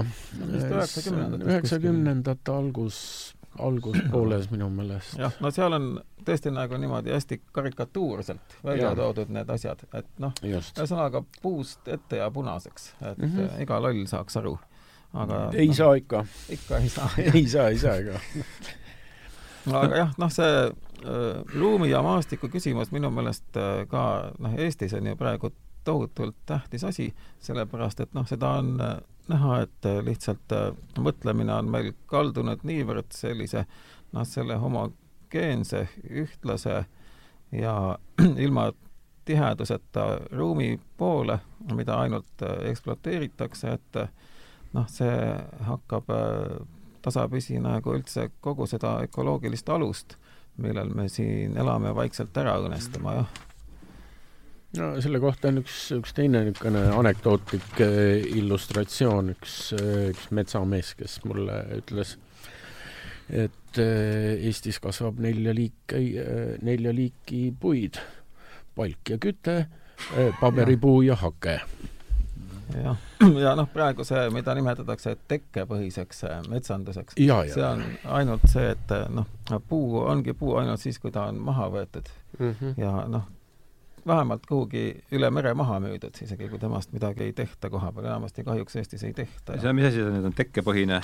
tekkepõhine metsandus. niisugune sõna on ole-, sõna vahel olemas? praegu on selline termin käibel, jah hmm. aga teke ei tähenda mitte metsa kasvamist, vaid selle mahavõtmist tekib nii tekib väärtus. nojah, see, mis sa rääkisid siin, see, see homogeenne ruum ja ilma et ma saan aru, et Sheldrak käsitleks seda ikkagi sellise kartesiaanliku dualismi kõrvalnähtusena, et kui varem oli see ruum, eks, ühtlane inimese teadvus, seda me vist Tarnas või on Sheldrak kus ma selle võtnud, et see inimese teadvus oli poorne.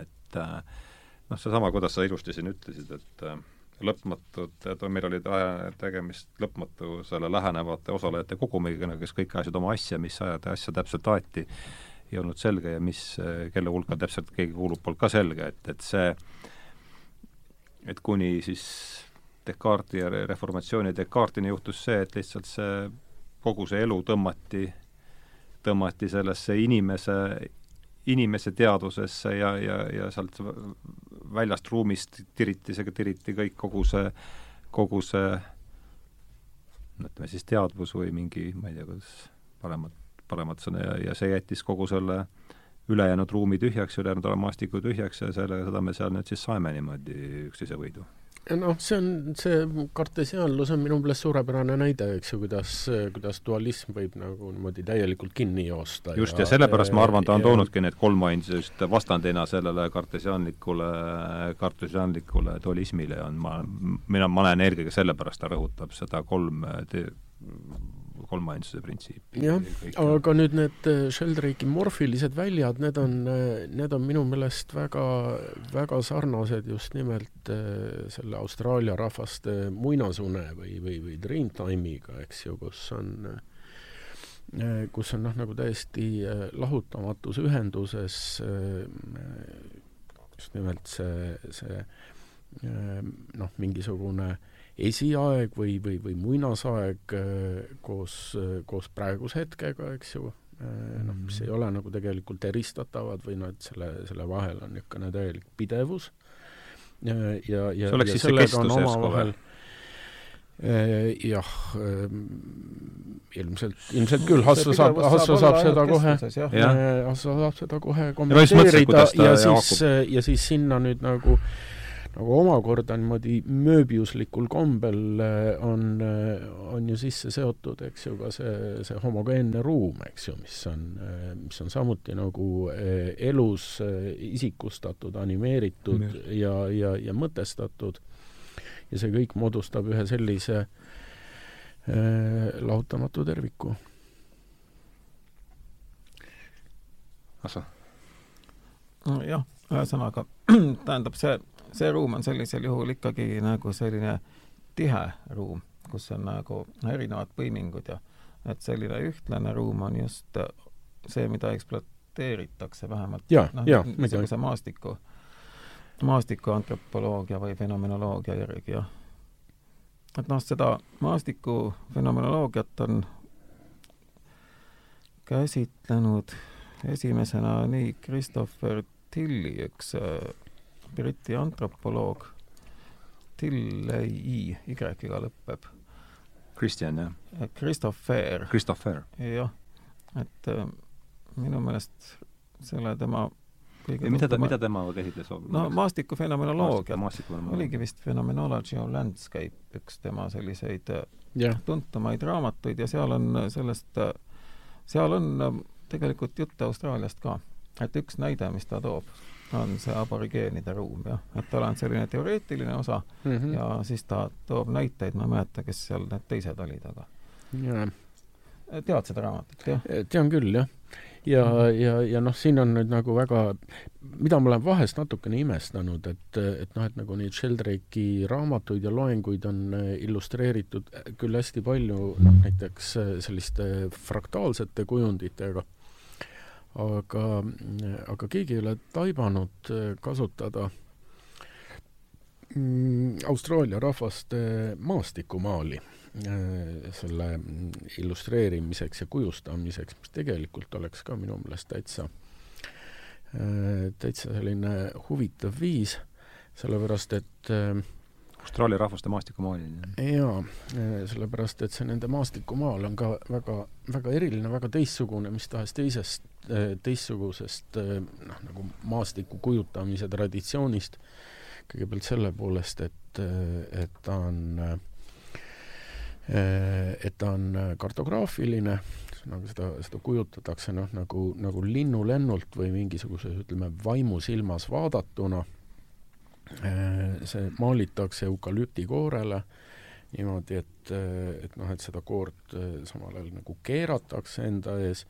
Noh, kuna ta on nagu ülevalt võetud ja kuna seal ei ole nagu noh, nagu sellel, sellel pildil või kaardil, sellel ei ole nagu ülemist serva ega alumist serva, tal ei ole ka, tal ei ole ka horisonti, aga seal on selliste täpikeste ja, ja hästi lihtsate geomeetriliste elementidega kujutatud nüüd, nüüd nagu selle, selle maastiku niisugused noh, nagu tähenduslikud või, või, või siis selle selle rah-, selle rahva jaoks nagu olulised ja olemuslikud ja elutähtsad osad täiesti diagrammiliselt kujutatuna ja selles, selles maalis saavad kokku ka noh, taas nii, nii, nii, nii olevik kui muinasaeg kui kõik, kõik noh, mõeldavad vahepealsed, vahepealsed seisundid, olukorrad ja hetked, et mm., et noh, et on mingis mõttes nagu sellised hästi totaalsed kunstiteosed, kus noh, kus juba, juba ongi natukene noh, nagu kunstist naljakas rääkida, eh, kuna, kuna see, mida, mida nagu meie oma kultuuriruumis kunstiks peame, on midagi siiski hoopis teistsugust.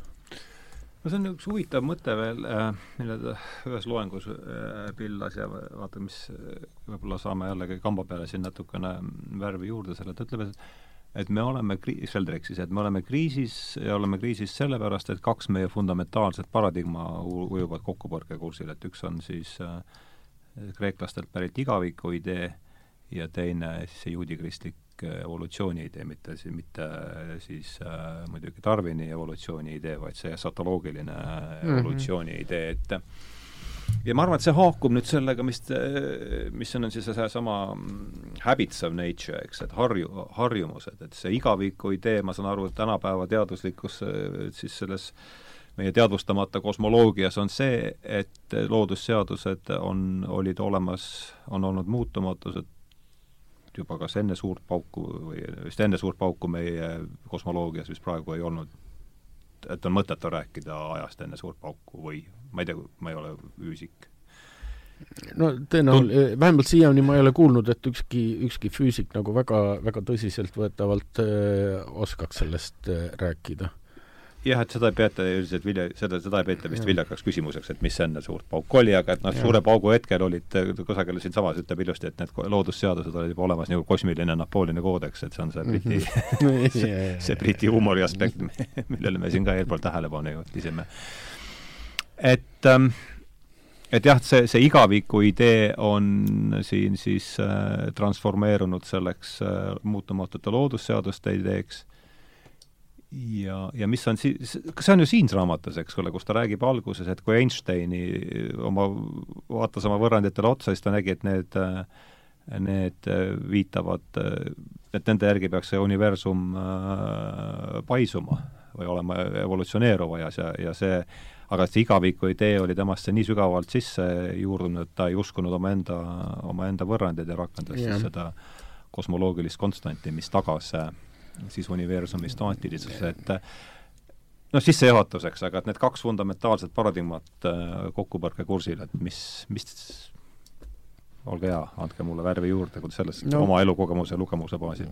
no vot, eks need ongi nüüd jälle kaks sellist sellist mõtteviisi, millega, millega mina ei ole kunagi, kunagi ära harjuda suutnud ja, ja, ja noh, nüüd sa räägid nüüd, mis asi see, seesama see evolutsioon ja igavik? just, ja, ja nüüd see Sheldrake'i käsitlus nendest loodusseadustest kui, kui millestki, mis noh, mis on otse ilmselgelt nagu muutuvad kogu aeg ja ja tema, tema kirjeldab neid äh, noh, veel, veel väga tore on nagu see, et, et noh, et ka need äh, alluvad tal harjumuslikkustele, eks ju, et noh, et on nagu muud, et need on sellised harjumused, mis, äh, mis noh, nagu teisenevad, äh, teisenevad vastavalt äh, igasugustele asjadele ja ja, ja, ja, ja noh, see, mis on nagu loodusseadused nagu äh, Ehm, noh, täna, eks ju, ehm, need eh, järgmisel hetkel enam ei pruugi olla mingisugused seadused või mm, nad lihtsalt enam ei, eh, ei kehti. ja, ja nüüd ühes, ühes teises raamatus, see oli minu meelest see, see eesti keelde tõlgituna Dogmadeta teadus, eh, seal ta ju toob ühe mingisuguse väga toreda väga toreda näite sisse, mm, kui ta, äh, kui ta käis nüüd mingisuguses äh, mm, mõõtude ja äh, Ja. mõõtude ametkonnas, eks, ja, ja, ja käis nagu küsimas, et, et noh, et kuidas nüüd nagu sellega on, et noh, et siin äh, noh, et on nagu ühel, ühel ajahetkel on mõõdetud valguse kiiruseks nagu selle ja me see ja, ja, ja teisel ajahetkel on valguse kiiruseks äh, mõõdetud äh, ja saadud nagu hoopis nagu teine arv, et et noh, et kas see siis ei olegi konstant ja siis selle, selle konstantide ministeeriumi ametnik ütleb, et äh, oi jah, et see on tõesti nagu üks kõige kõige piinlikumaid hetki nagu meie teaduse ajaloos, aga tegelikult äh, me tegelikult saime sellega hakkama äh,. Sheldrick küsib, et mismoodi te siis sellega hakkama saite me, me sidusime me meetri definitsiooni valguse kiirusega. niimoodi, et kui nüüd tulevikus valguse kiirus veel peaks muutuma, we wouldn't even know. ja just, jah, see oli küll jah, see, no see on tõsiasi, et äh, valguse või meeter on äh, defineeritud meil ju praegu SI-süsteemis äh, läbi valguse kiiruse, nii et see on definitsiooni järgi Täpselt. konstant ja see on selle ja, ja seetõttu käesoleva või pa- praeguse kosmoloogia üks olulisemaid äh, plankusi seal, eks. jah, et jah, see, seda ta räägib ka selles ähm, äh, oma põlu alla pandud TED Talkis, mis, mille me jaa, mis oli väga meil- ilus. no jaa, aga kus ta, seal ta Jah. tegelikult ju võtabki Just, selle, selle raamatu niimoodi tihendatult kokku, just jah, et selle, see on meil, keda huvitab, siis Seltsi videokanalil on ka eestikeelsete subtiitritega olemas, see on kaheksa Ah., kaheksateist minutit. hea teada. aga Asso, mis sina ütled selle, just selle evoluts-, noh, selle kahe fundamentaalse paradigma kohta, kuidagi ma ei tea, miks see mulle jäi kõrva niimoodi. Ei ole jah midagi parata, aga neist tuleb lahti saada. et siin nagu ei ole minu meelest, ei ole mingit varuvarianti, et äh, tuleb nagu minna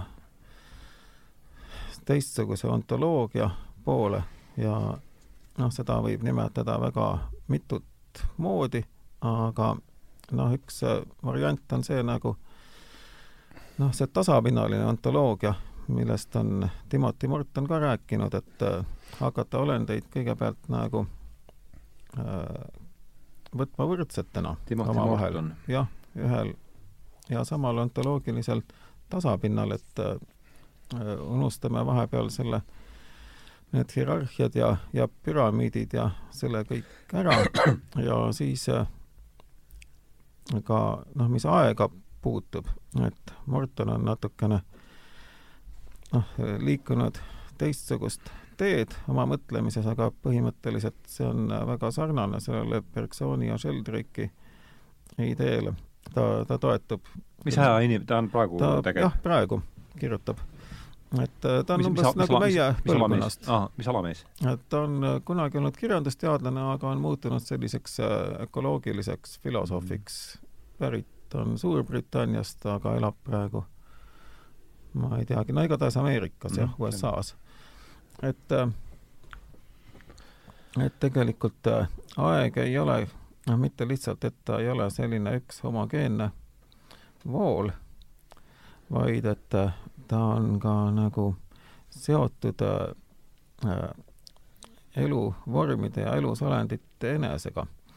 et siis niisugune noh, üks küljest alguse saanud see oma ilmade idee, sellest edasi arendatud see, et noh, mitte ruumi ja valgust ja kõike, seda ei näe kõik olendid omamoodi, vaid igaühel on tegelikult ju ka oma aeg. see on ka üks küljel juba mm, -hmm. see mõte on olemas ja teatud mm -hmm. mõttes see aeg siis nagu kiirgab temast välja. ühesõnaga, et me ümbritseme ennast oma ajaga ja meie ajad põimuvad. kas on üks külje idee, et aeg, tema olendi aeg kiirgab temast no välja? põhimõtteliselt see on üks külje oma ilma idees, on see juba sees, aga noh, ta seda, ta seda ei arenda. kiirgust minu meelest kiirgusena ta vist seda ei kirjeldanud No, no, aga, aga jah. ta ei öelnud ilmselt nii, jah ja.. aga ei, see kõlab nii Aga- aga noh, just- just nii ta, just nii ta seda minu meelest mõtles, et äh, Nojah. ja ühesõnaga sellisel juhul sellist äh, lineaarset aega otseselt ei saagi olemas olla. no me saame Jah. selle küll konstrueerida, aga reaalselt aga siis me peame ikkagi nagu selleks konstandiks või noh, nagu selleks aluseks äh, valima midagi, et, et noh, et nagu seda lineaarset aega konstrueerida. Ja, ja me saame, me saame nagu valida erinevaid, erinevaid nagu neid noh, alguspunkte või vältusi ja seetõttu me võime konstrueerida ükskõik kui palju eh, lineaarseid aegu mm,. põhimõtteliselt jah. jah, see oli sul väga huvitav mõte, et pikkuse, kui me räägime ajapikkuse, siis sellega me juba ruumistame, eks ole. nojah, ja siis sealt edasi ongi võimalik eh, jah, konstrueerida see lineaarne aeg ja siis noh, nagu no näiteks muuta ta selliseks progresseeruvaks ajaks, noh, mis on tegelikult ju omamoodi kompromiss sellesama esotoloogilise ja siis igavikulise aja vahel. korda palun see mõttekäik üle. no ma ütlen, et on võimalik konstrueerida see niisugune progresseeruv aeg, kus siis äh, kogu aeg kõik läheb millegi poolest järjest paremaks ja aga see on ju progressi idee meil, eks? see ongi see progressi idee mm. -hmm. meie niisugune nagu... humanitaarse sekularismi kesk, ke, keskne dogma siis. jah, see on keskne dogma, aga see on ikkagi noh, selle kaudu on lahendatud äh, teatud mõttes või nagu edasi lükatud see vastuolu jah, selle esotoloogilise aja ja siis selle kreekaliku niisuguse igavikulise äh, ajamudeli vahel, et äh, mm, niimoodi nagu noh, mõlemad teatud mõttes kehtivad, aga mitte päriselt. aga ikkagi see lineaarne mudel jääb alles, aga kui nüüd jah äh,, tulla sellise omailmede aja juurde ja et äh, aeg koosneb pigem niisugustest ajalistest pesadest, mis siis noh, moodustavad igasuguseid kobaraid ja ongi, et nad on tegelikult, need ajad ju kuuluvad nende samade morfiliste väljade koosseisu, et, et see, see formatiivne kausatsioon või, või vormi põhjuslikkus toimub ju selles ajas, mis on nendele olenditele omane, kes on selles morfilises väljas toimivad. et siis, siis see tähendab seda, et, et tõesti noh, lineaarne ajakäsitlus ongi suhteliselt absurdne, sest et noh, niisugune põhjuslikkus, mis toimib ainult selle, nende morfiliste väljade ja morfilise resonantsi kaudu, ta ei vii mitte kunagi kuhugi edasi ega tagasi, vaid ta toimib niimoodi noh, koostoimes. ühesõnaga ta nii, jah, siis ka, ka ruumiliselt see aeg avaldub hoopis teistmoodi ja me peaksimegi hakkama siis mõtlema, noh, pigem niimoodi ikkagi nagu äh, äh, nii hästi elusloodust kui ka eluta loodust pigem hingestatuna, jah. Mm.. et niimoodi on, on seda kõige lihtsam, sest see on ka, noh, see on vanem müütiline kujutelm kui eskatoloogia ja vanem ilmselt kui see kreekalik niisugune Hronos. Ja ta on ja ta on no, ilmselt ka vanem kui üldse igasugused mütoloogiad. Jah, ta võib-olla on vanem kui üldse igasugused mütoloogiad. sõnaeelne, jah. just, ühesõnaga, et et siis ikkagi maailm on hingestatud, olendid on intelligentsed juba sellepärast, et nad on elus ise organiseeruvad. ja nagu noh, ka Sheldrake räägib sellest, et et mälu, tegelikult kõige tähtsam mälu ei ole see, mida me peame teadlikuks mäluks, vaid need morfilised protsessid, need toimivad just sellise teadvustamatu mälu kaudu ja mis tähendab seda, et äh, olenditel ei pea olema teadvust selleks, meie mõistes, selleks, et neil oleks tohutu mälu ja juurdepääs mingitele mm -hmm. mälukihtidele, mis on noh, nende selles äh, morfilises väljas kõige tähtsamad morfilise resonantsi jaoks. ühesõnaga jah, see on ikkagi siis pigem niisugune animistlik äh, kosmoloogia, mis, mis selle ukse avaks minu meelest. Jah, ja see on jälle see tohiks teha vahepeal ettepaneku veel üheks pausiks? jaa, ja siis võtame, no nii, see oli huvitav mõte siin, et, et ukse avaks meil siis äh, animistlik äh, kosmoloogia, et ole hea, oluline koht, et anna siin mõlemad veel, et värvi juurde, et mida see noh, kui raadiokuulajale, kes nüüd iga päev filosoofiaõpikutes ei, ei, ei, ei vea näpuga järge, tuleb liikuda teistsuguse ontoloogia poole. Mida see, üritad, ma arvan, et ma saan, noh, ma püsin kaasas Assoga praegu, et mida ta, mida ta tahab sellega öelda, aga anname võtame viis minutit, et seda niimoodi tõlkida. no animistlik kosmoloogia esiteks on, esiteks on loomulikult selline kosmoloogia, mille, mille keskmes ei asu inimloom. teine, teine tunnus, mis, mis nagu sellisel kosmoloogial minu meelest on, kuna, kuna neid olendeid ja võimalikult, võimalikke olendeid, keda, keda siin nagu arvesse võtta on nii tohutult palju, siis see on selline kosmoloogia, millal, millel üldse mingisugust keset ei ole ega, ega ei saa olla.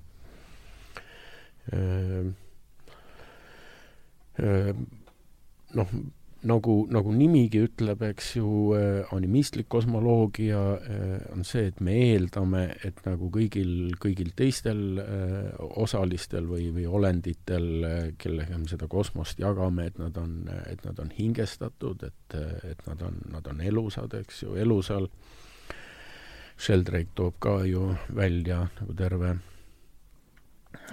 terve, terve rea tunnuseid, et nad, et nad arenevad, et nad muutuvad, et nad on, et nad on loovad, et, et nagu kõige, kõige vahel nagu sellises kosmoses toimub kommunikatsioon, aga ma arvan, et Hasse on, Hasse on lõppkokkuvõttes filosoof, kindlasti sa oskad selle kokku võtta palju, palju lühemalt ja tabavamalt. jah, et mida tähendab siis liikumine animistliku kosmoloogia ontoloogia poole? no ma arvan, et äh, see peaks algama tunnustusest tegelikult, et äh, tuleb teisi olendeid tunnustada ja mitte ainult sõnades, vaid ka tegudes. ühesõnaga, mitte inimlikke olendeid tunnustada lähtekohas nagu endaga võrdväärsetena ja muidugi see ei tähenda mitte äh, nende samastamist meie enesega vaid see tähendab just, et äh, siis ka seda nende oma ilma, nende oma aega, et äh, seda tunnustatakse ja tunnustatakse sellisena, nagu see on ja sellega on siis, ollakse valmis astuma kontakti. ja ega noh, see, see nüüd tingimata ei tähenda, et üldse mingeid keskmeid ei ole, me võime ka seda kujutada nii, et keskmeid on väga palju, et äh, noh, kõigil neil olenditel, nende maailmadel on nagu mingid omad keskmed olemas, eks mm -hmm. ole. Aga sa ütlesidki juba keskmed. jah, just, keskmed, jah. ja et äh, noh, need on võib-olla kasulikud vahel selle jaoks, et äh, mingisugune orientiir peab meil olema siis äh, kuidas ja noh, vahel ka, et mis eesmärgil me kellegagi või millegagi kontakteerume, aga igatahes noh, me eeldame, et ta siis ka vastab meile. ja, ja sellisel juhul, et me vastame omakorda, ühesõnaga, et sellest nagu sünniks kommunikatsioon, see tähendab siis ka nii, et äh, kui me tahame saavutada endale kasulikke eesmärke ja loomulikult me tahame, sellepärast et kõik olendid tahavad seda, siis äh, me asume kõigepealt läbirääkimistesse ja katsume teha selle asja nii, et see oleks vastastikku kasulik ja noh, kogu selline noh, praegu senine majandusmudel, mis noh, põhineb sellel, et tere, me astume uksest sisse, vot, me tahame seda, me viime need asjad ära, head aega, ühesõnaga, te võite elada või surra. noh, niisugune on praegune majandamise viis, eks ole. ühesõnaga, see nagu lõpeks ära. me hundred, you zero. just, just jah, see ei ole hea algus läbirääkimisteks. iseasi muidugi, et praegune ko-, kosmoloogia ei üldse ei ütle, et oleks vaja millegiga või kellegi, millegiga, millegiga ei saa läbi rääkida, on see, ilmselt on selle praeguse kosmoloogia nii see on. lähtekoht.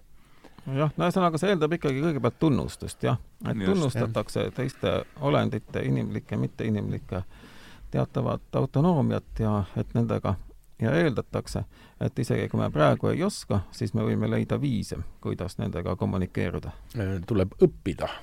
me oleme, ühesõnaga, siin on nüüd nagu see hea punkt, et kuna me peame endid juba issanda Jumala enda poolt välja valitud liigiks, kes on nagu teistest nagu niivõrd palju ülem, no hea küll kui me oleme, kui me oleme nii imetlusväärsed, siis ongi äh, nagu meie asi äh, otsida kontakti ning leiutada neid viise, kuidas, kuidas need läbirääkimised, kuidas see tuttavaks saamine, teineteise tunnustamine nagu võiks paremini välja kukkuda jah, kui ma hakkan mõtlema seda, kuidas mina üldse tema peale sattusin, hakkasin ka niimoodi jupikaupa kuulama, mul ikkagi see klikk käis läbi sellesama Briti huumori mm. -hmm. ta räägib, et kuidas siis on mingi USA see otsitakse siis nagu, tahetakse, otsitakse läbirääkimispartnerit kuskilt sealt niimoodi mm. -hmm. ja saadetakse välja raadiosignaale. ja, ja, ja aga et et okei okay,, et see on keeruline, et noh, et meie oma mhm. galaktika siin äärel on kakssada viiskümmend miljoni, kakssada viiskümmend miljonit suure, kakssada viiskümmend miljonit valgusaastat, et äh, okei okay,, et ise, et even if they reply by the return of post. It will take another two hundred and fifty million years for the message to come back. Who is going to remember the question et siis ma ütlesin, oh, et siin on, selles jutus on ikkagi päris suur iva sees no,. ja on, elegantselt helistatud ja samas niimoodi, et ajab naerma ka, et mida sa noh, see no, kogu see elu otsimine nagu äh, avakosmosest, see on äh, minu meelest nii arulage algusest peale. just nimelt ja veel äh, raadiosignaaliga, eks, et või, või ükskõik kuidas, et noh, et noh, et milleks, et äh, ma ei tea, kõigepealt võiks ju oma, oma Polonkaga jutule, jutule saada, et, et noh, et igal juhul on või tuleb... puurilind, kes sul seal puuris näiteks elab. eelis on see, et vastus tuleb kiiremini. see on päris juba nagu ka jah, jah. okei Uh, nii, aga me oleme siin ligi nüüd um, kaks tundi juba vadranud, et uh, anna aega mõtelda selle peale, et see jutuajamisel on ka lõpp, et uh, veel kord, kui keegi peaks, kellelgi peaks tekkima õigustatud küsimus, et miks juba nii, miks nii palju ühest autorist räägitakse, siis noh, minu enda jaoks äh, on põhjus lihtne, et ma kulutasin märkimise arv, arvu tunde suvel äh, raamatu tõlkimise peale, ma üritan aru saada siis äh, mida ma, mida ma, mida ma tõlkisin ja, ja, ja mis selle taga on.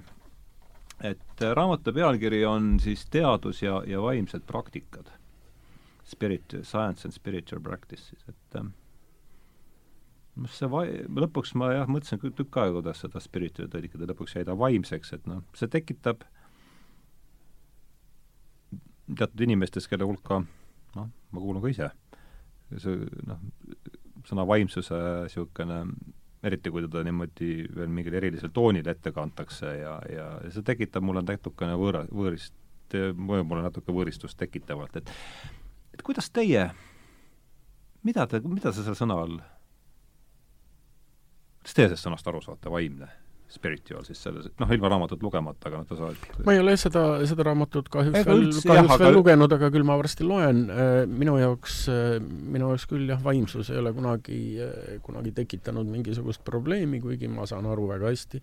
just, sa saad aru vähemasti, miks ta tekitab teatud ja sest... et on, et on nagu terve, terve rida inimesi ja, ja, ja lausa ametkondi ähm, kellele see sõna kohe üldse ei, üldse ei meeldi, aga ega istu ja, ja, ja see ei istu sellepärast, et ähm, ta, ta lihtsalt nagu jääb väljapoole ehm, nende kokkulepitud maailmakirjeldust.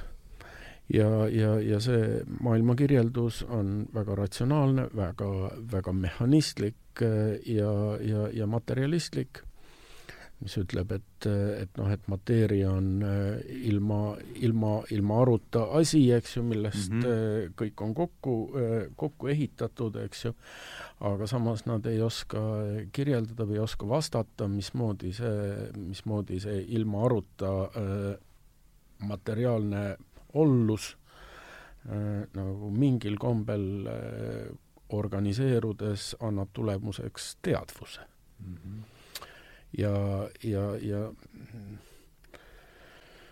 noh, ma arvan, et siit Hasso võib edasi rääkida, mis see vaimsus siis on täpsemalt.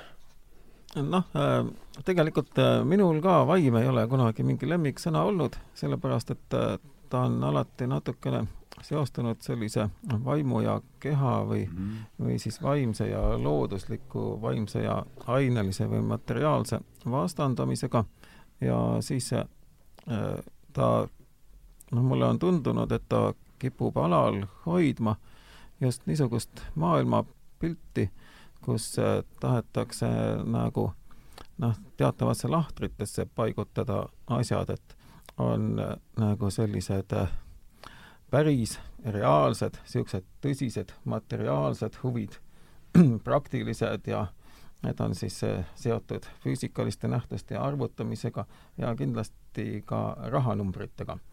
jah, ja siis teise lahtrisse lähevad niisugused vaimsed ja ilusad ja nagu noh, niisugused lillelised ja, ja kenad ja üldiselt mahub meelelahutuse rubriiki kõik väga hästi. just, et mm -hmm. see on nagu selline vaimne ja et noh, see on siis niisugune äh, luksus, mis äh, on meile lubatud siis, kui me noh, selle musta töö, selle materiaalse, selle koleda asja oleme ära teinud. siis, kui pangalaen on teenindatud. jah ja,, et kõik on makstud.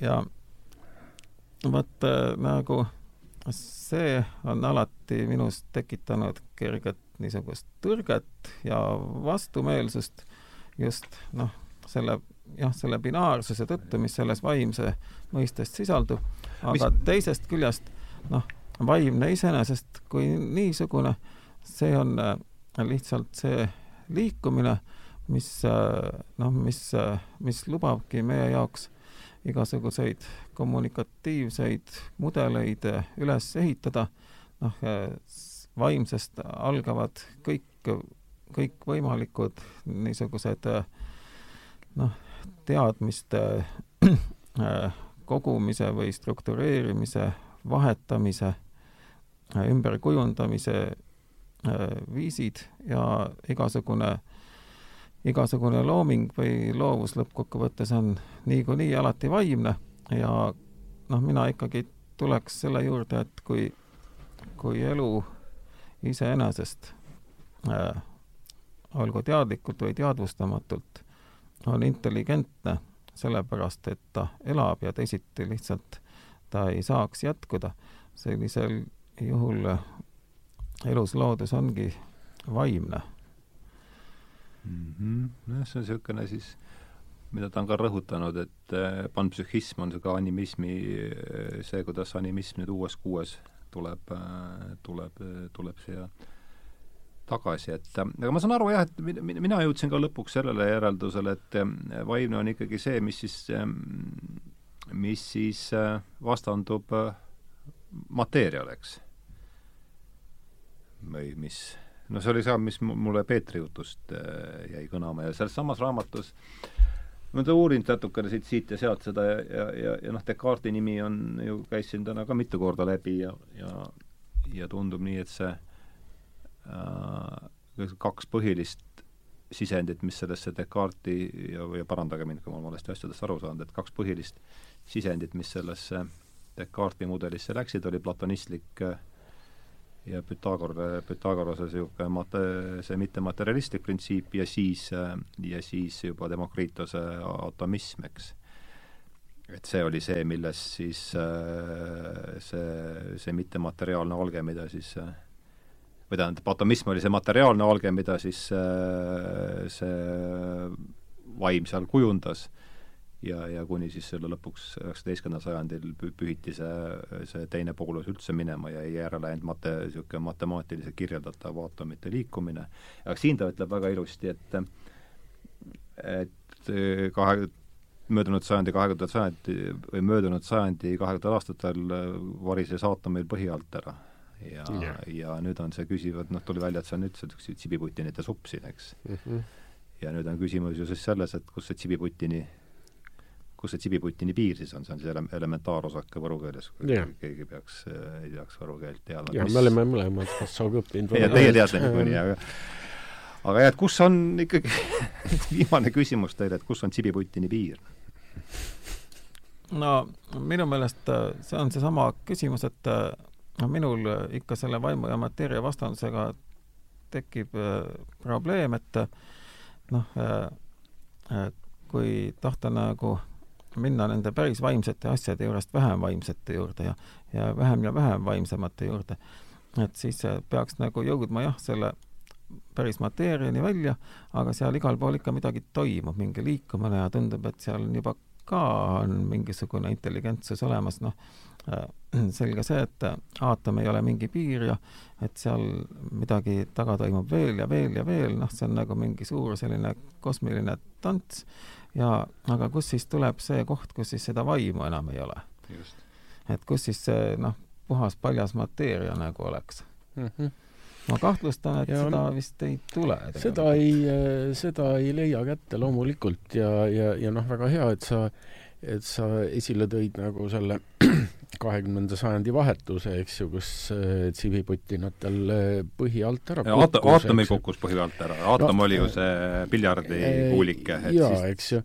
ja, ja, ja noh, see põhi kukkus, põhi kukkus alt ära ju nagu väga, väga, väga heal ja selgel põhjusel, eks ju, kui kui hakati aru saama, eks ju, et, et noh, et nagu mm, et noh, et iga, iga, iga nähtus on nagu samaaegselt nii, nii aineline kui, kui kiirguslik, eks, ja, ja, ja põhimõtteliselt noh, kõike saabki nagu väljendada nagu võnkena mm. -hmm.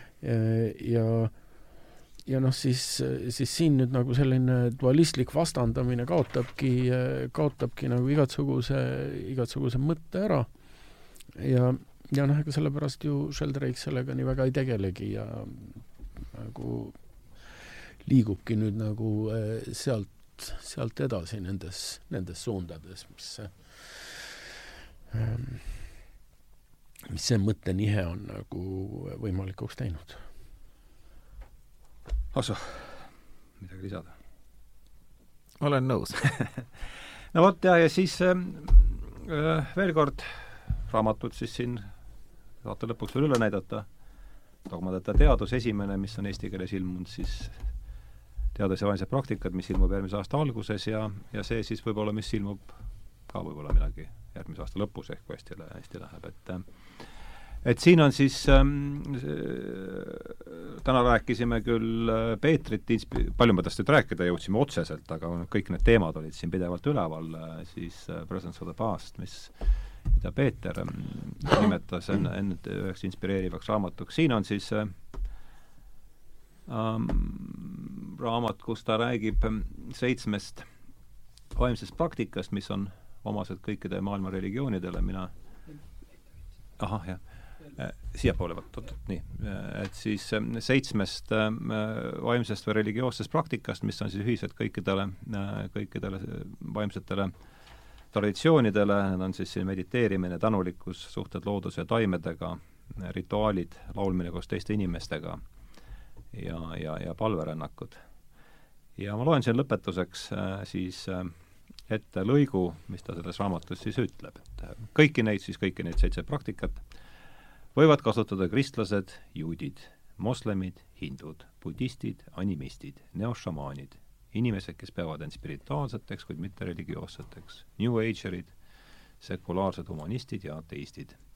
ma ise olen kristlane, anglikaan ja rakendan neid praktikaid kristlikus kontekstis. kuid neid võivad kasutada äh, teis-, kuid neid võivad kasutada teistesse religioonidesse kuuluvad inimesed, ning ka ateistid ja agnostikud. ühelgi religioonil või mittereligioonil pole nende praktikate monopoli, need on avatud kõigile. nii et äh, kes, kellele saade segaseks jäi, siis äh, soovitakse alustada praktikatest ja siis äh, praktika viib, praktika viib ehk lõpuks ka mingi teise arusaamini, nii et aga igatahes äh, mul oli väga huvitav teiega, ma tänan teid, Peeter Laurits Assa Krull saatesse tulemast, inimeste, kes neid teemades kuulsid esmakordselt, veel kord, mitte kõik ei pruugi kohe olla arusaadav, aga aga tasub alustada veel kord praktikatest, sest praktikad viivad kogemuseni ja kogemus viib arusaamiseni. ma ei tea, kas sellega, kuidas te selle, kuidas sellesse väitesse suhtute? küllap vist. jah, küllap vist, küllap vist on hea eesti keeles niisugune sisse juurdunud sisse juurdunud vastused, nii et Põrgupõhjast oli meil omaette saade veel siin kunagi, nii et mm. Et aitäh teile mõlemad äh, veel kord tulemast, väga huvitav oli teiega vestelda ja mul on hea meel. oli küll huvitav. aitäh teile!